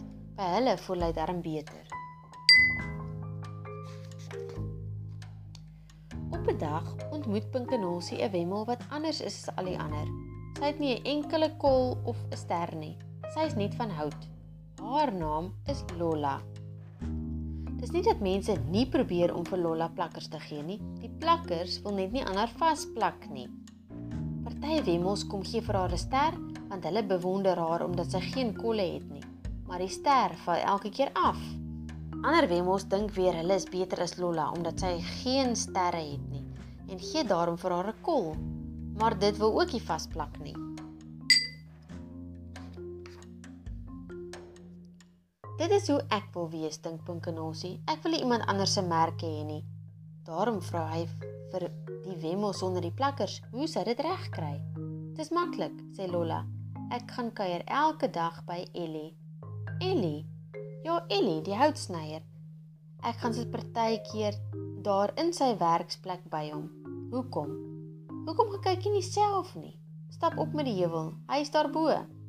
En daarmee draai die wemmel sonder die plekkers om en huppel weg. Maar sal hy my wil sien? Roep Pinkenosie agterna, maar Lolla hoor hom nie. Dan gaan Pinkenosie maar huis toe. Hy sit naby 'n venster en kyk hoe die houtmense sommer so heen en weer hardloop en vir mekaar sterre en kolle gee. Dit is mos nie reg nie, fluister hy. Hy besluit om maar na Ellie toe te gaan. Pinkenolsie loop al met die smal paadjie langs tot bo op die heuwel. Hy stap die groot werksplek binne. Sy houtoogies rek wyd oop wanneer hy sien hoe groot alles is. Die stoel is net so hoog soos Pinkenolsie. Hy moet op die punte van sy tone staan om die bokant van die werktafel te sien. Die hamer is net so lank soos sy arm. Pinkenolsie sluk swaar ek, ek bly nie hier nie, sê hy en draai om om te loop. Hoor hy sy naam. Pinkenolsie. Pinkenolsie. Die stem is diep en sterk. Pinkenolsie gaan staan. Pinkenolsie. Dis lekker om jou te sien. Kom nader sodat ek bietjie na jou kan kyk. Pinkenolsie draai stadig om en kyk na die groot man met die dik baard wat wemmels maak. Ken jy dan my naam?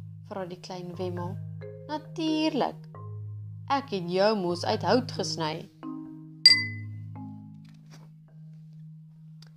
Ellie buig af, tel vir Pinkenosie op en sit hom op die werktafel neer. Mmm, sê die skepper in gedagte terwyl hy na die grys kolle kyk. Dit lyk of jy 'n paar lelike merke gekry het Dit was nie aspres nie, Ellie. Ek het ek het regtig hard probeer. O, jy hoef nie sleg te voel nie, my kind. Ek gee nie om wat die ander wemmos dink nie. Regtig? Ja, en dit behoort jou ook nie te pla nie. Hoe kan hulle vir iemand anders sterre of kolle gee? Hulle is dan wemmos net soos jy. Dit maak nie saak wat hulle dink nie, Pinkenosie. Al wat saak maak is wat ek van jou dink. En ek dink jy is baie spesiaal. Pinkenosie lag. Ek is spesiaal. Ek is spesiaal. Hoekom? Ek kan nie vinnig loop nie. Ek kan nie spring nie. My verfdop af. Hoekom gee jy om vir my? Ellie kyk na Pinkenosie, sit sy hande op die klein houtskouertjies en sê baie stadig: "Want jy is myne." Dit is hoekom ek vir jou omgee. Niemand het nog ooit so na Pinkenosie gekyk nie. Wat nog te sê sy skepper? Pinkenosie weet nie wat om te sê nie.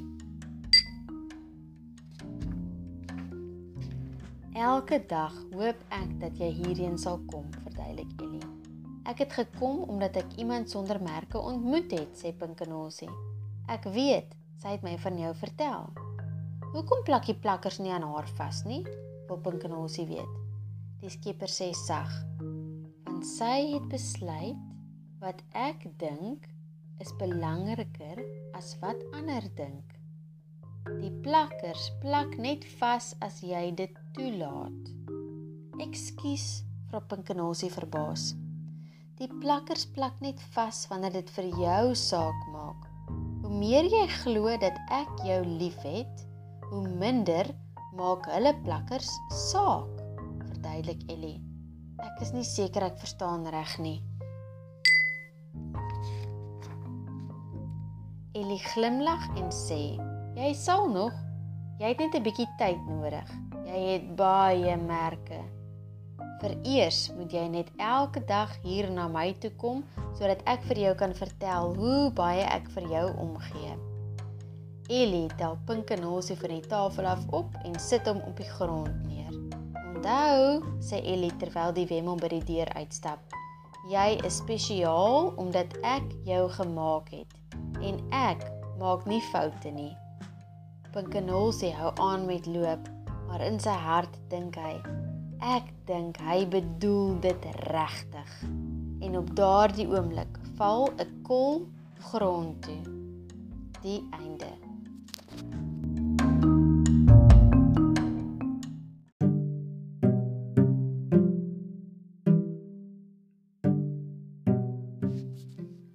As ek maar 'n groen neus gehad het. Lola en Pinkenosie kyk by die venster van Ellie se werkswinkel uit. Hulle is houtmense, net soos die ander wemmels. Maar anders as die ander wemmels, staan hulle nie in die ry in die dorpie daaronder nie. Kyk net na hulle, roep Pinkenosie uit. Ek verstaan dit nie, sê Lola. Hoekom sal enigiemand sy neus groen wil verf? Want almal doen dit, antwoord Ellie sonder om op te kyk van sy werkstafel af. Pinkenosie verstaan nie. Wat bedoel jy? Elkeen wil soos al die ander lyk. Partykeer is dit vierkantige hoede, partykeer is dit hoë skoene. Verlede jaar was dit geel ore die inding. Nou is dit groen neuse. Almal wil tog so graag 'n groen neus hê.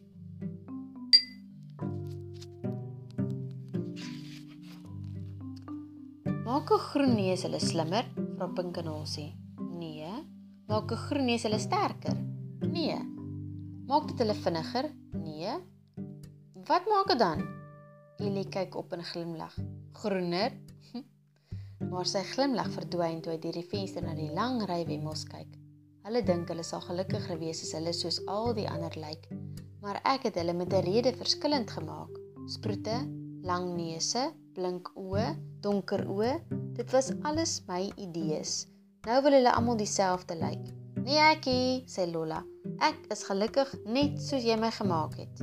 Ek ook, stem Pinkenosie saam. Ek het nie 'n groen neus nodig om spesiaal te voel nie. Dan bly hy 'n oomblik stil en kyk na die dorpie. Ek sal graag wil sien hoe lyk 'n groen neus van naby. Wil jy saamgaan? Willie glimlag toe hy toe die twee reg staan om te loop. Onthou net, ek het julle met 'n rede verskillend gemaak, sê hy vir hulle. Van naby af lyk die ry nog langer en die neus is selfs groener.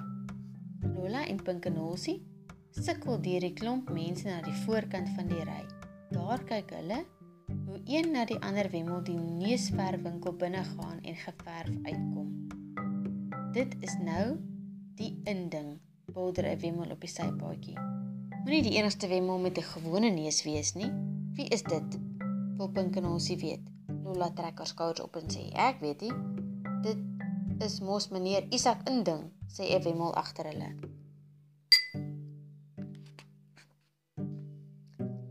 Hoor die neusverwinkel aan hom, op Pinkenosie weet. Ja, maar dis nie al nie, verduidelik die Wemmel. Geverfde neuse was sy idee. So ook die vierkantige hoede en die hoë skoene en die geel ore. Hy het altyd nuwe idees. Hy besluit wat is in die mode. Hy is darem maar wonderlik. Lola en Pinkenosie bekyk hierdie lang wemmel met die diep stem, breë glimlag, hoë hoed en groen striktas wat mooi pas by sy groot groen neus. Albei dink aan dieselfde vraag. Lola vra toe: "Wie het gesê hy kan besluit wat is mode?" Dit lyk of die wemmel nie verstaan nie, asof niemand nog ooit vir hom so 'n vraag gevra het nie. Ehm, um, wel, ek weet nie, dit was nog altyd so. Skielik raak hy opgewonde. Wag, kyk, hier kom 'n nuwe neus. Ooh, sê die wemmels. "Ah, oh, laat van die ander hoor." Die nuutgeverfde wemmel staan nie stil om te praat nie. Hy loop net met sy neus in die lug verby. Al die groen neuswemmels doen dit. Hoe moet jy jou neus dan nou anders gesien word as dit in die lug is nie? Tog is dit gevaarlik om so neus in die lug te loop. Wemmels loop in mure, in deure en selfs in mekaar vas. Lola en Pinkenosie moet baie versigtig wees. Een wemmel loop sommer die hele straat vol. Staan terug, staan terug, roep hy hard. Dit is die burgemeester. Gee pad voor. Wemmels, my vrou kom om haar verf te laat opknap. Met een hand betye hy die wemmels moet pad gee. Met die ander hand help hy sy vrou deur die mense. Dit is net te verskriklik, kerm sy en hou al twee haar hande oor haar neus. 'n Stukkie verf het afgekom toe ek aan 'n boom vasgeloop het. Nou kan almal die regte ek sien. Dit is verskriklik. Terwyl die skare mense verbykom, skud Lolla haar kop en sê: "So 'n bohaai oor 'n groen neus." Ja, stem Pinkenosie saam. Ek sal nooit my voete in die neusverwinkel sit nie. Ag, Pinkenosie, ek het so gehoop jy sal gaan. Pinkenosie weet dadelik wie se stem dit is. Mikkie. Hy draai om en kyk na die wemmel met die groot oë en mooi glimlag. Sy ore raak rooi soos altyd wanneer hy vir haar sien. Hy sit sy hande oor sy ore. "Hoekom verf jy nie ook jou neus nie, Pinkenosie? Ek het myne geverf. Almal verf hulle sinne. Buitendien, jy sal mooi lyk in 'n groen mikkie raak aan die punt van sy neus. Jy het so oulike neus." Toe draai sy om en stap weg. "Tata," waai sy. Pinkenosie vat een hand weg van sy oor af en raak aan sy neus. Hy draai om en kyk na homself in 'n winkelfenster. Lola moet sy hand gryp om sy aandag te kry. "Kom nou, Pinkenosie, kom ons loop." Terwyl hulle by die neusverwinkel verbyloop, sien Pinkenosie hoe Isak inding na homself in 'n handspieeltjie kyk. Later doen Pinkenosie dieselfde by die huis. Ek het dit nog nooit agtergekom nie, maar my neus lyk nogal vaal. Volgende oggend loop Pinkenosie in die straat af saam met sy vriende Splinter en Spyker. Dink jy regtig daaraan? Wil Spyker weet.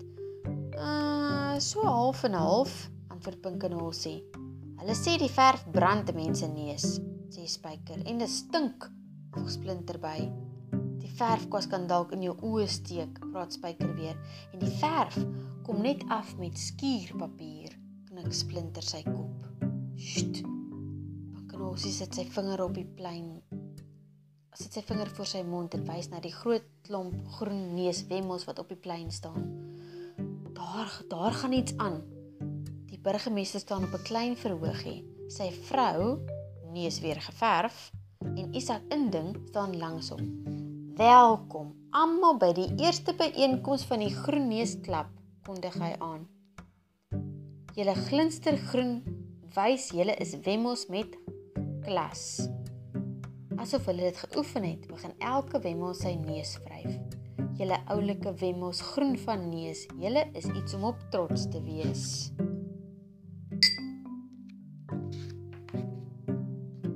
Die burgemeester glimlag, trots op sy rympie en die wemmels klap hande. Ons moet almal dankie sê vir Isak inding, skree hy bo die geraas, die baanbreker van die geverfde neus. Toe klap almal nog harder hande. Mense is gek oor my danksy jou, skree een. Ek het meer vriende, gil 'n ander ene. Met 'n groen neus is ek 'n beter wemmel, roep 'n derde een. Die burgemeester hang 'n medalje om Isak Inding se nek. Jy het Wemmeldorp verander. Ons vier fees oor jou slim idee. Sonder jou sal ons lyk soos die burgemeester bly 'n oomblik stil terwyl hy na die regte woorde soek. Toe sien hy vir Pinkenosie en sy vriende. Hy wys in hulle rigting en lag terwyl hy sê: "Hulle, ha ha ha." Toe lag almal. Pinkenosie en sy vriende staan kop onderste bo en steek hulle lelike neuse weg. "Drie hoera's vir Isak Inding," skree die burgemeester, die wemmel wat die oplossing vir die gewone neus ontdek het.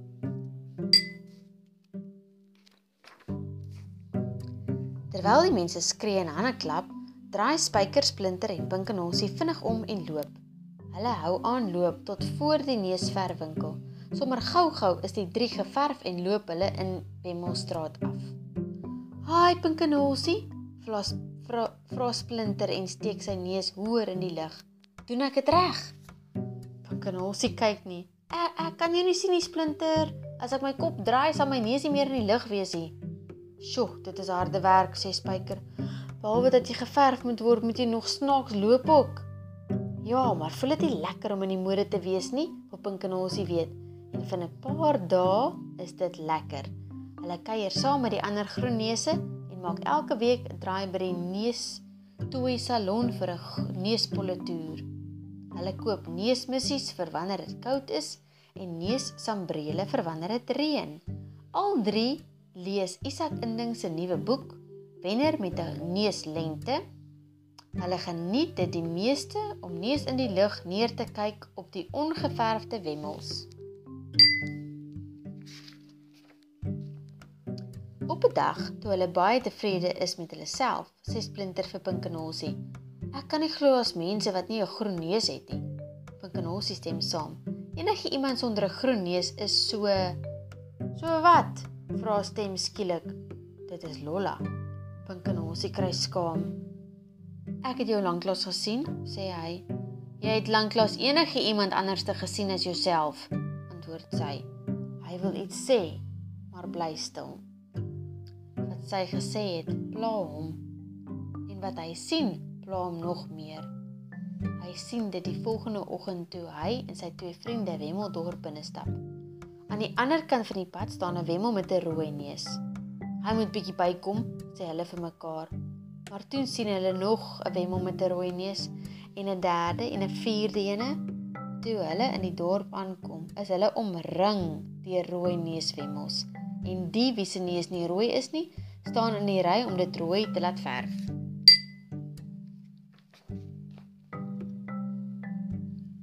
Staan nader, staan nader, skree Isak inding waar hy op die trap voor sy winkel staan groen neuse is uit, rooi neuse is in, maar ons het nou eers ons sin groen laat verf, sê hulle vir hom.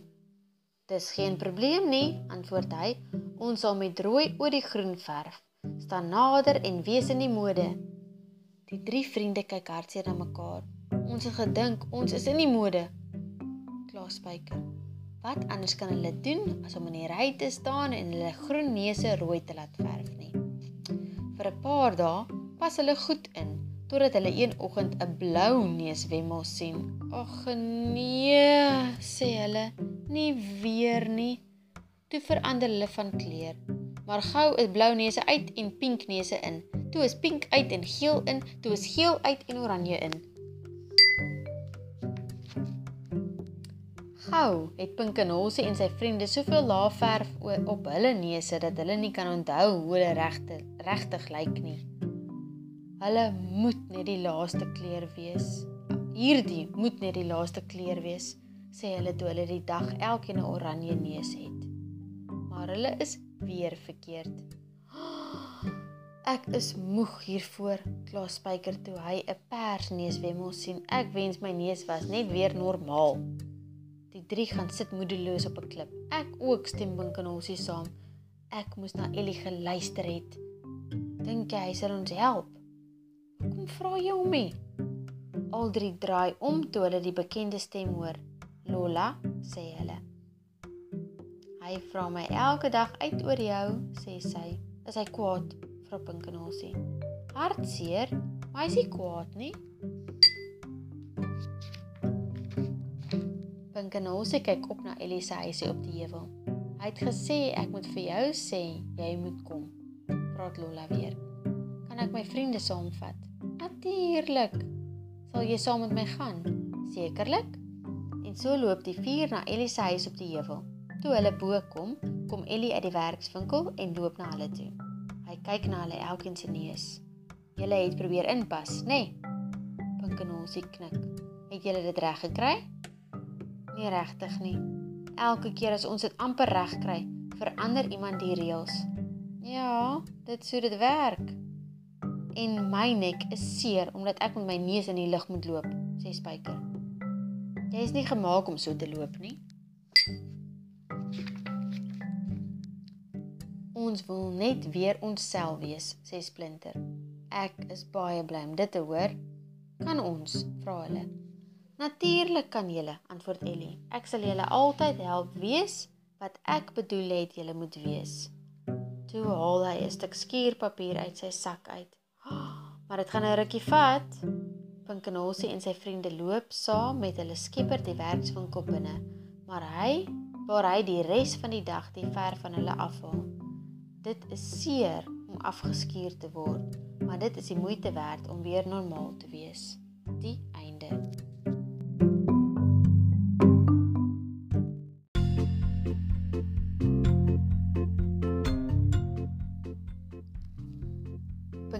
Pinkenolsie en die wonderlikste geskenk. Pinkenolsie sit op die werkstafel en gesels met Ellie. Ek hou vreeslik baie van Skepperdag. Dit is wonderlik. Die groot wemmelmaker glimlag terwyl hy die saagsels bymekaar vee. Ek hou daarvan om 'n skepper te wees. Hierdie jaar wil ek iets spesiaals vir jou doen. Regtig? Ellie hou op vee en vra: "Soos wat?" Ek weet nog nie, maar ek sal aan iets dink. Dis vir my genoeg om jou net by my te hê, Pinkenosie, sê die houtsnyer. Maar ek weet ek wil graag iets meer doen. Ek hou van jou, ek is lief vir jou. Almal moet verstaan, sonder jou, Ellie, sou ek nooit bestaan. Die klein wemmel se oë rek. Haai, dit rym. Hy spring van die tafel af en gee vir sy skepper 'n lekker drukkie. Jy sal sien Ellie, hierdie jaar gaan ek iets wonderliks vir jou doen. Hy huppel deur toe en maak 'n liedjie met die woorde wat hy gesê het. Ek hou van jou, ek is lief vir jou, almal moet verstaan. Sonder jou, Ellie, sou ek nooit bestaan. Wees versigtig, my klein vriendjie. Ellie glimlag en waai vir hom. Pinkenholsie sing sy nuwe sing sy nuwe liedjie die hele pad Wemmeldorp toe. By die dorpie is almal besig. Daar is wemmels in die strate en in die winkels. Almal maak reg vir die groot dag. Die wemmelkoor oefen op die dorpsplein. Werkers versier die dorpsboom, party mense doen inkopies, ander verf vensters, almal glimlag. Skepperdag maak almal bly. En Skepperdag maak Hans, die bakker, vreeslik besig.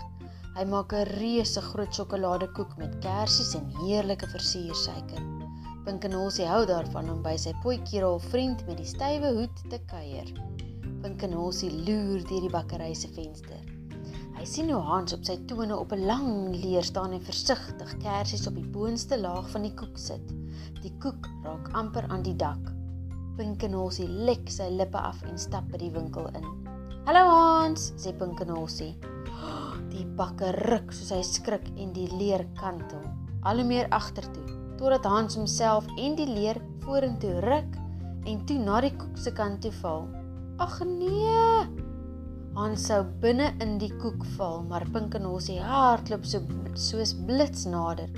Klim vinnig op met die leer en gryp die bakker in sy kraag. Sjoe! Sug Hans, sy gesig binne lek afstand van die koek. Ek ek is so jammer, vra Pinkenhossie om verskoning. Dis alles reg, my klein vriendjie, sê Hans en klim van die leer af. Ek het die koek ek het op die koek gekonsentreer. Hy draai om, sit sy hande op sy heupe en sê trots: "Is dit nie wonderlik nie? 'n Reuse groot sjokoladekoek. My koek gaan die beste deel van Skepperdag fees wees."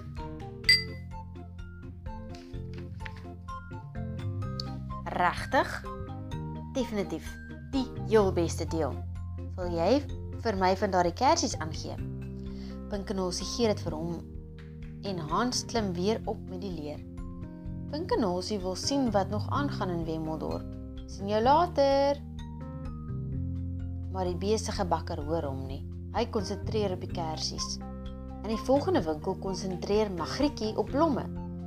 Haar blommerangskikking is omtrent groter as haar hele winkel. Maar waar is sy? Ek het nog nooit so baie blomme gesien nie, sê Pinkenolsie saggies. Hou jy daarvan? Vra stem in die bergblomme. Magrietjie loer vir Pinkenolsie deur die madeliefies. Ek dink so, maar dit is so groot dat ek nie al die blomme kan sien nie.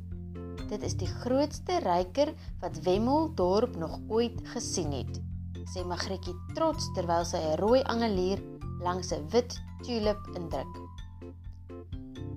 Hoekom maak jy dit? Vir Skepperdag natuurlik. My pragtige ryker sal die beste deel van môre se Skepperdag fees wees. Maar Hans het vir my gesê, Magrietjie kyk kwaai na hom. Hans en sy koek. Ha. Ellie sal meer van my blomme hou as van daardie bakker se bergdeeg. Sy lig haar ken op en raak weer besig met die blomme. O, Pinkenolsie sluk. Dan loop ek maar weer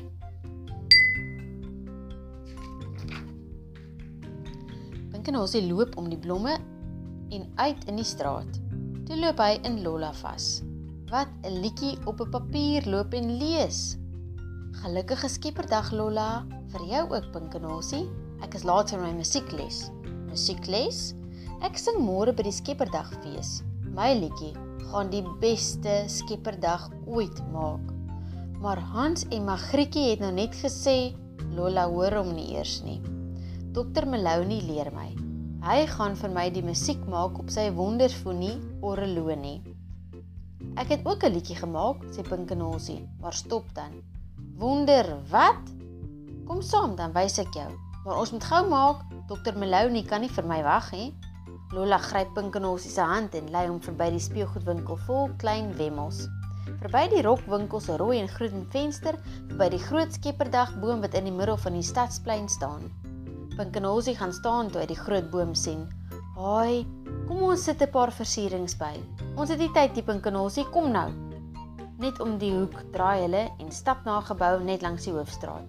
Bo kan die deur staan Dr Meloni se musiekfabriek.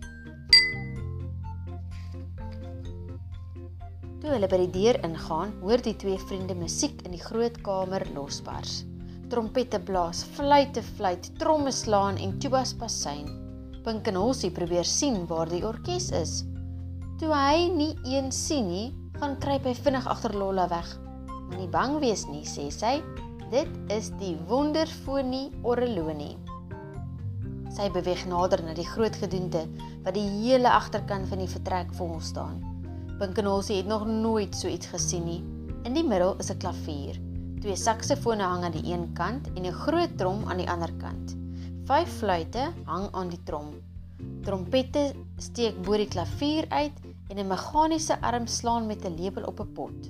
Heel bo-op is daar 'n vislyn wat 'n klokkie laat lui en 'n treinfluitjie wat blaas en 'n trompet wat saamspeel. Dr Meloni lyk klein waar hy voor dit alles sit.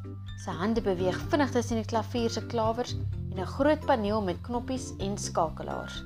By elkeen staan iets geskryf, soos Harder, sagter, groot geraas, vinniger, blaas. Sy voete beweeg nog vinniger. Die een pomp lug na die instrumente toe. Die ander voet trap die groot trom se pedaal. Die musikant is hard aan die musiek maak. "Dokter!" roep Lola hard, maar nie hard genoeg nie. "Dokter Maloney!" skree sy. Hy draai nog steeds nie om nie. Toe hy vir Lola sien, lig sy dik wenkbroue en hy loer oor sy bril. "Kom in, kom in. Wie is jou vriend?" "Dit is Pink Knolsie." "Hallo, Pink Polsie, kom gerus hier." "Is my musiekmasjien nie wonderlik nie? My naam is Pink Knolsie." "Ek het nog nooit so 'n masjien gesien nie." "Jy sal ook nie. Wil jy hoor hoe dit speel?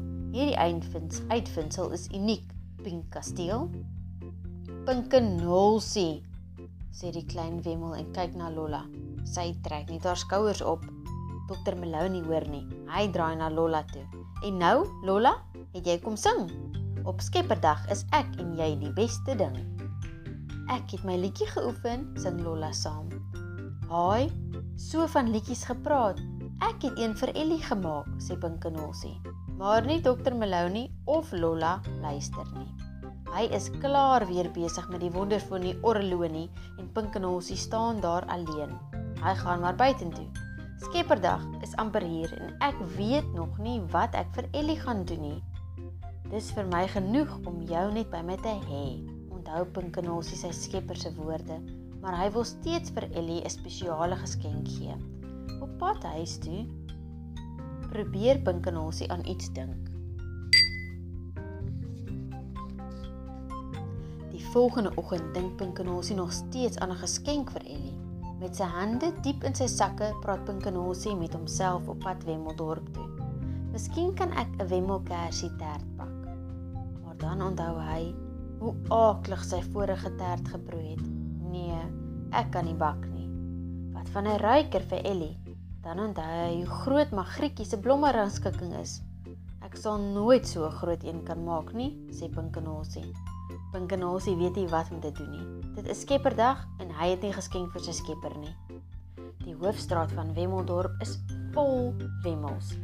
Elke houtmens in die Wemmelvallei is op pad na die dorpsplein waar 'n spesiale plekkie vir die fees gemaak is. In die middel staan die Skepperdag-boom en blink. Die burgemeester en sy vrou staan op groot verhoog. Voor hulle is drie groot goed toegemaak onder lappe. Pinkenosie weet presies wat dit is. Magrietjie staan langs die een, Hans langs die ander een, Lola is in die middel en sy loop op en af voor die musiekmasjien wat ook onder 'n groot lap toegemaak is. Sy lyk bekommerd. Dr Meloni is nêrens te sien nie. Pinkenosie probeer haar aandag trek. "Lola!" roep hy. "Waar is Dr Meloni?" Sy kyk oor haar skouer na die instrument onder die lappe. Toe sien Pinkenosie hoe iets onder die lappe beweeg. Iets is stikkend, sê sy. Voor Pinkenosie nog iets kan vra, stap die burgemeester en sy vrou tot voor die groot skepperdagbord, tik teen die mikrofoon en sê: "Gelukkige skepperdag almal." Die mense juig en klap hande. Die burgemeester begin baie lang toespraak van 'n stuk papier aflees. Aangesien dit Skepperdag is en ons deur ons Skepper gemaak is, wil ek hiermee met die uiterste groot plesier Dok Pinkenosie sien hoe Dr Meloni onder die lappe uitloer en vir Lolla nader roep. Sy leun oor. Hy fluister en haar gesig word bloedrooi. Sy fluister iets terug en Pinkenosie weet iets is verkeerd. Toe kyk hulle na hom. Lolla bedui hy moet nader kom. Hy kruip onder deur die toue. Jy moet ons help. Die lugpomp sit vas. Jy moet die knoppies druk terwyl dokter Malone die musiekmasjien aan die gang hou. Maar maar ek weet nie hoe om. Dis maklik, sê Lola vinnig. Sit net op jou skouer, op sy skouers en doen wat hy sê. Die mus, musiekprofessor knik. Net toe begin al die mense weer juig. Die burgemeester wys na Magrietjie en haar blomme. Die drie hou op fluister en sien hoe sy effens voor die blomme buig. Die beste deel van Skepperdag, skree die burgemeester. O nee, dit is nie skree Hans. Hy staan al klaar heel bo op sy leer. Hy bedui met sy hand en 'n tou word getrek wat die groot stuk lap in die lug laat opgaan, sodat almal sy reuse groot sjokoladekoek met kersies en heerlike versiersel kan sien. Al die wemmels snak na hulle asem en begin dan juig. Magrietjie kruis haar arms en frons en dokter Melanie bedui vir Pinkenosie. Maak musiek, Pink Polsie, moenie wag. Ons is die beste deel van Skepperdag. Die musikant sit op die stoel. Pinkenosie klim op sy skouers en Lola staan met haar rug na hulle toe. Sy haak haar vingers in mekaar, stoot haar elmboë na die kante toe uit en maak reg om te sing. Pinkenosie staar na al die knoppies. Hy sluk hard en dink, "Hoe gaan ek dit ooit regkry? Daar is so baie knoppies. Blaas hard, sagte windgeluitjie, klokkies lui, harpe sing. Ek ek ek dink nie ek kan voor Pinkenosie klaar kan praat, sê dokter Melanie. Hy moet begin. Pinkie Ponkie opskit. Kom aan, druk die knoppie wat sê simbale slaan. Pinkenosie soek vinnig na die knoppie en druk daarop. Meganiese arms lig simbale op en met 'n harde slag begin die liedjie. Lola sing, maar dit klink eerder of iemand haar skud. Pinkenosie dink sy is dalk siek en loer oor sy skouer na haar, maar Lola is nie siek nie. "Hoekom maak jy sulke geluide?" skree hy vir haar. Pinke pokkel hou op met raas, druk eerder die knoppie wat die fluitte laat blaas. Pinkenosie leun na regs en druk die knoppie en voel hierdie musiekprofessor onder hom op en af wip soos hy ekstra hard met die lugpomp pomp. Die instrumente begin skielik nog harder fluit en blaas dit voel vir Pinkenosie of die musiek tot binne in hom raas. Dr Maloney skree die hele tyd vir Pinkenosie watter knoppies hy moet druk. Larry Tuba was sy, nou die viool. Jy moet mooi fluister, Pinkepool. My naam is Pinkenosie, skree die wemmel wat al die knoppies druk. Hy leun af sodat Dr Maloney hom kan hoor, maar hy moes nooit sy kop so laag laat sak het nie. Sy voorkop raak aan die knoppie wat sê volstoom. En die wonderfonie orrelonie begin rammel. Wemos gryp hulle kinders en druk hulle ore toe. Die bewende verhoog skud die burgemeester uit sy stoel. Versierings val van die skepperboom af. Lola hou op met sing. Die professor begin skree: "Draai dit sagter, sy begin al te ruk." Ons wil hê dit moet uitmekaar skud. Maar dit is te laat. Die treinfluitjie begin blaas en skiet skielik in die lug in soos 'n vuurpyl. Volgende is die trompette, toe die saksofone. Met 'n verskriklike slag skiet die ander ook die lug in. Fluitte, vlieg trompette trek die lug in. Pinkenholsie en die professor probeer hulle bes. Druk knoppies, trek aan die toue, maar niks help nie. Dr. Maloney moes ophou pomp het. Maar om een of ander rede het hy al harder gepomp. En omdat daar nie meer musiekinstrumente oor is nie, blaas die lug deur 'n wriemelde pyp reg langs Hans se groot sjokoladekoek en blaas versiersuiker en kersies oor al die wemmels. Lola gryp die pyp en ruk dit weg van die koek af, maar draai dit per ongeluk na Magrietjie se blomme toe. Skielik is die hele lug vol blomme blare reën op die taai koekbesmeerde wemmels. Hulle staan groot oog en kyk. Die een oomblik koes hulle vervleende viole en die volgende oomblik val daar koek en kappertjies uit die lug. En toe skielik is alles stil. Die wemmel is geskok na die ontploffing. Pinke pampoen, my vriend, vriend, wat 'n ongeluk lyk my jy die verkeerde knoppie gedruk. Hans en Magrietjie vee stukke koek uit hulle oë. Die burgemeester en sy vrou is van kop tot tone vol versiersuiker en lyk soos sneeumannetjies. Net Lolla, die professor en Pinkenolsie is sonder koek of blomme. Vir 'n hele rukkie is almal doodstil. Niemand weet wat om te sê nie. Dis toe dat hulle 'n fluit hoor speel. Die sagte, pragtige klanke van net een fluit klein dogtertjie met koekbesmeerde hare staan langs die boom en speel op die fluit. Sy kom eers nie agter dat almal vir haar kyk nie. toe sy dit sien, hou sy op speel. "O, oh, ek ek ek is so jammer," sy bloos. "Dit het in my skoot geval." "Asseblief," vra Pinkenosie mooi, "hou aan met speel." Almal knik. Die sagte fluit klink mooi na die bulderende wonderfoon die orrelonie. Na by die dogtertjie, tel 'n ou wemmel 'n viool op en begin te speel. 'n Ander wemmel tel 'n klarinet op en begin daarop speel. Sommer gou is daar 'n hele klompie mense wat vir al die wemmels musiek maak. Dokter Melonie sug verlig, Lola glimlag en Pinkenosie lig sy hand op en kondig aan. "Haai, al julle wemmels, ek het 'n goeie plan."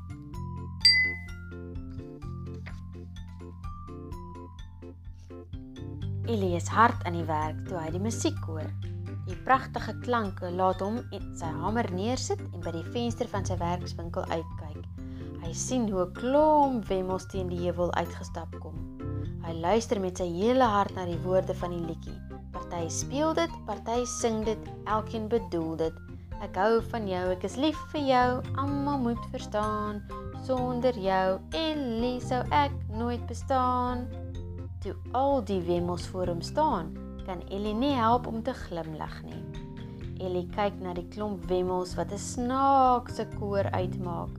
Hulle is koekbesmeer en blomgekleur, maar hulle glimlag asof hulle nog nooit soveel pret gehad het nie. Hulle sing die liedjie oor en oor totdat hulle uiteindelik ophou en vir Ellie hande klap. En hy klap vir hulle hande. Wat 'n wonderlike liedjie sê hy bly en wat 'n wonderlike geskenk. Dokter Melonie stem saam. Ek ek moet sê, my vriend Pinke lag, hierdie is beslis die beste deel van Skepperdag. Mense juig en klap hande. Lola knik, Pinkenosie bloos net. Die einde.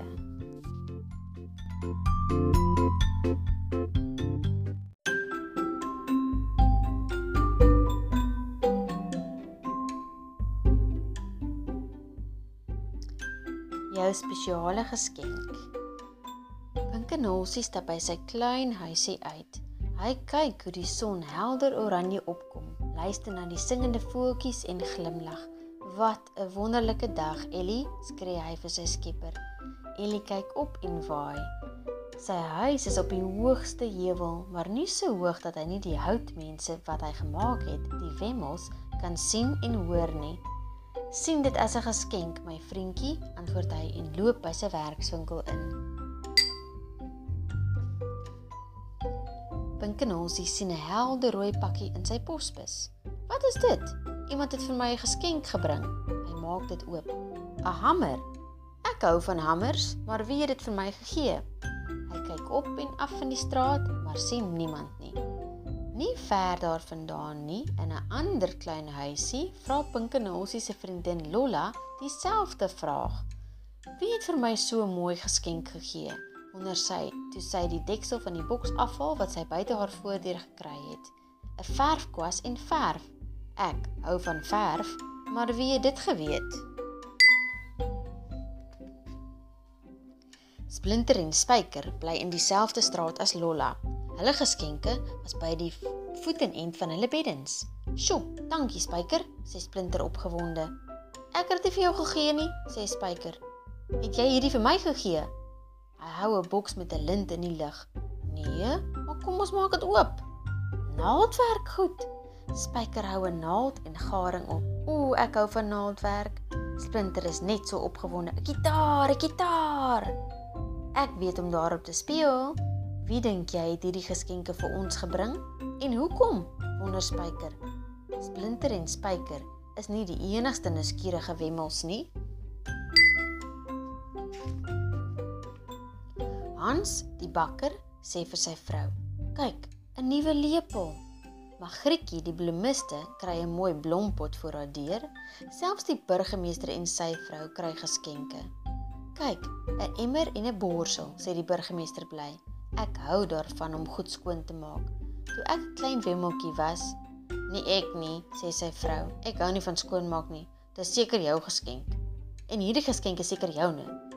sê hy toe hy hy sy hand dieper in die boks indruk, 'n boek. 'n Storieboek vir klein wemmels. Dit gaan pret wees. Wie het hierdie geskenke vir ons gegee? vra sy vrou. Ek weet nie, antwoord die burgemeester terwyl hy deur sy venster op die tweede verdieping na buite kyk. Maar ek sien 'n paar wemmels wat 'n storie nodig het.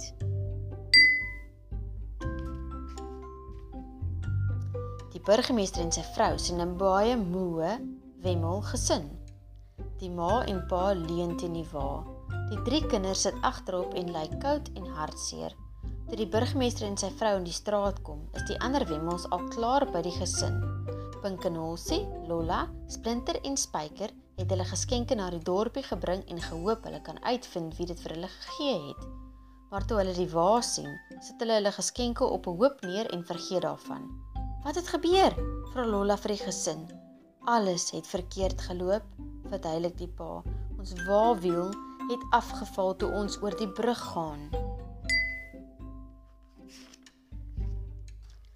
Toe die wiel breek, het die wa amper omgeval en ons klere het in die rivier geval en weggespoel. Ons kos het nat gereën, ons is moeg en honger en vuil. Waarna toe gaan julle? Ons kom van ver af om met Ellie te gaan praat, antwoord die ma. Maar ek dink nie ons gaan dit maak nie. Ons is so moeg, so honger. Sy praat al sagter en haar kop hang. Vir 'n rukkie is almal doodstil. Niemand weet wat om te sê nie. Pinkenol sê hy het 'n plan. Hy sê vir sy vriende: "Ons kan hierdie gesin help om na Ellie toe te gaan." "Ja," stem hulle saam en al die wemmels hardloop om aan die wiel te werk. Splinter en Spyker probeer dit afkry, maar dit wil nie beweeg nie. "Laat ek dit doen," sê Hans die bakker. Maar toe hy trek, breek die wiel in twee stukke. "Kyk nou wat het jy gedoen," sê die burgemeester. "Ek sal dit doen." Maar toe hy dit optel, val dit uitmekaar.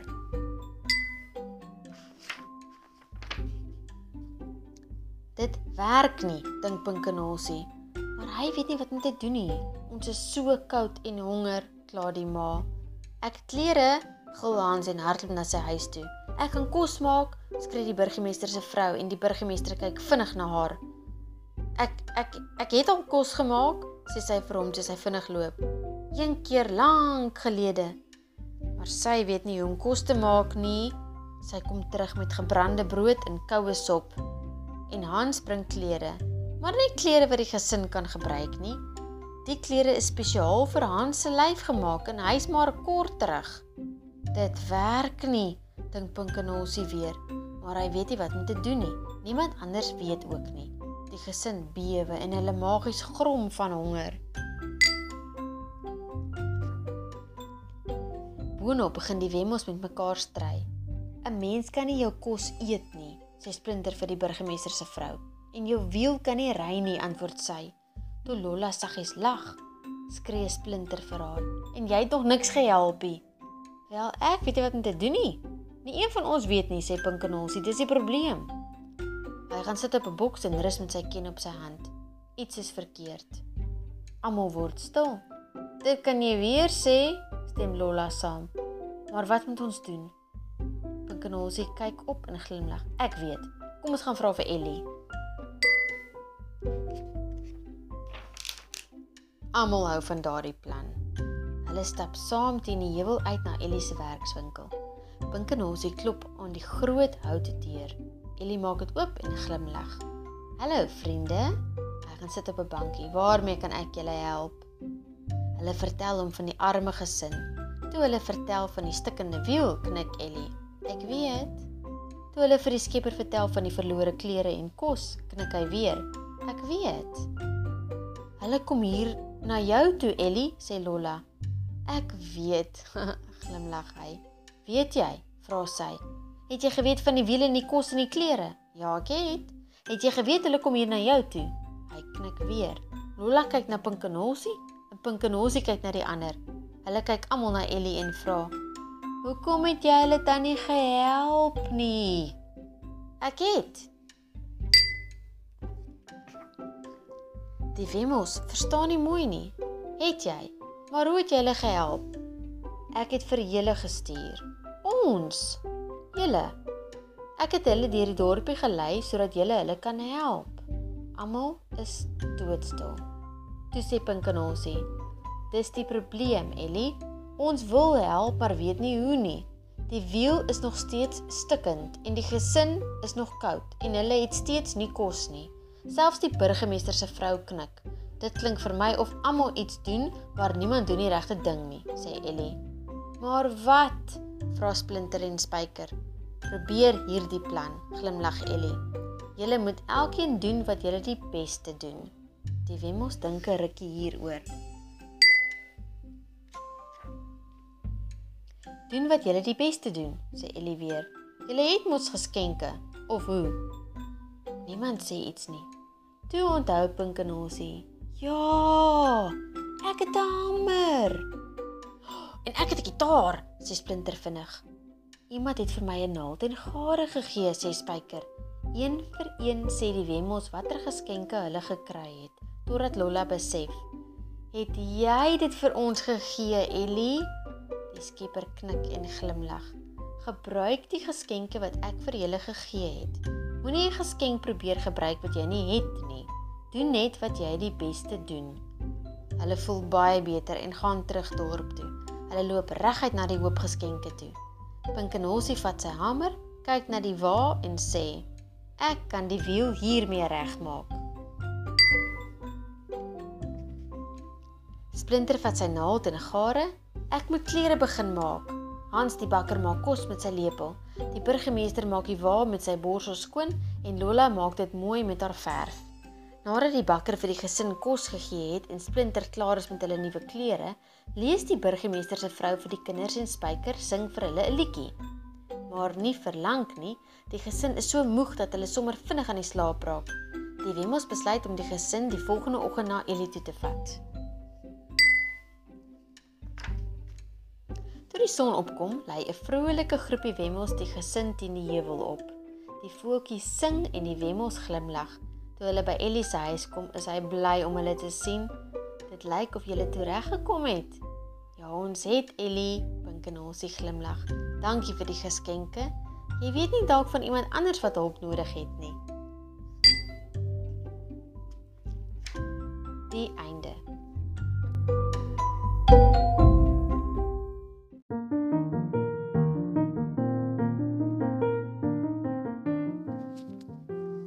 Wat jy nodig het. Baie lank gelede was daar 'n dorpie in 'n woestyn. Daar was baie min water in hierdie droë land. Dit het amper nooit gereën nie, maar as dit die slag gereën het, het die mense rondgespring om soveel water as wat hulle kon in emmers en potte op te vang. Elke druppeltjie was soos die suiwerste goud. Al was die land baie droog, was die mense nooit dors nie. Daar naby het 'n man met die naam Tobias gewoon en hy het 'n diep waterput gehad waaruit helder koel water geloop het. Die mense het Tobias die watermeester genoem en hulle was baie lief vir hom. Hy het sy skat met almal in die dorp gedeel. Al wat hulle moes doen was net vra en die watermeester sou ewe gaaf toelaat dat hulle water uit sy waterput skep. Drink soveel as wat jy nodig het, het hy aangebied. Tobias het nie net sy waterput gedeel nie, maar het selfs sy seun geleer om dit ook te doen. Tobias en sy seun Julian het die mense help water skep in hulle emmers en hulle vrag help dra. Die mense het dag na dag na die waterput toe gekom. Tobias sou glimlag en sê: "Wat soveel as wat jy nodig het." Hy het met die mense gepraat oor hulle lewe. Hy sou saam met hulle lag en uitvind wat hulle hoop en drome is terwyl Julian hulle wa help water skep vir hulle familie. Tobias was 'n goeie vriend en altyd gereed om die mense te help. Op 'n dag sê die watermeester: "Ek en my seun gaan vir 'n rukkie weg. Terwyl ons weg is, sal my dienskneg Elsevier na die waterput kyk. Hy sal vir julle al die water gee wat julle nodig het." Daarna draai die watermeester en sy seun om en loop met die paadjie langs uit die dorpie. Die mense was hartseer toe hulle vertrek, maar het Elsevier vertrou om vir hulle te gee wat hulle nodig het. Elke dag wanneer die mense vir water kom vra, het hy gretig hulle immers vol gemaak. Terwyl hy dit doen, sê hy: "Vat soveel as wat jy nodig het. Daar is genoeg water vir almal." Vir 'n rukkie het alles in die dorpie aangegaan soos gewoonlik. Maar op 'n dag het Elsa vergesien dat die mense nie dankbaar is vir die water nie. Hulle het net hulle emmers vol water gevat en haastig weggeloop sonder om dankie te sê. Dit het Elsa vir so gepla dat hy besluit het om nie meer vir almal water te gee nie. Hy het vergeet hoe goed die watermeester vir almal was. In plaas daarvan sê hy vir die mense: "Van nou af gee ek nie water vir die mense wat nie dankbaar daarvoor is nie." Die mense was verbaas. Daarna het hulle hard probeer onthou om vir hom dankie te sê wanneer hulle water kry. 'n Ruk later sien Else vir die part, dat party mense onvriendelik is teenoor ander mense en wreed is teenoor hulle diere. Dit het ook die nuwe watermeester gepla en hy het besluit om net vir die goeie mense water te gee. As jy wreed is teenoor julle diere of onvriendelik is met julle bure, kry julle niks water nie, het hy gesê. Die mense het hard probeer om Elsifer tevrede te stel sodat hulle nie dors sou word nie. Maar mettertyd het die nuwe watermeester net nog nuwe foute by die mense raak gesien. Julle is te besig, julle is te lui, julle is nie vinnig genoeg nie of slim genoeg of mooi genoeg nie.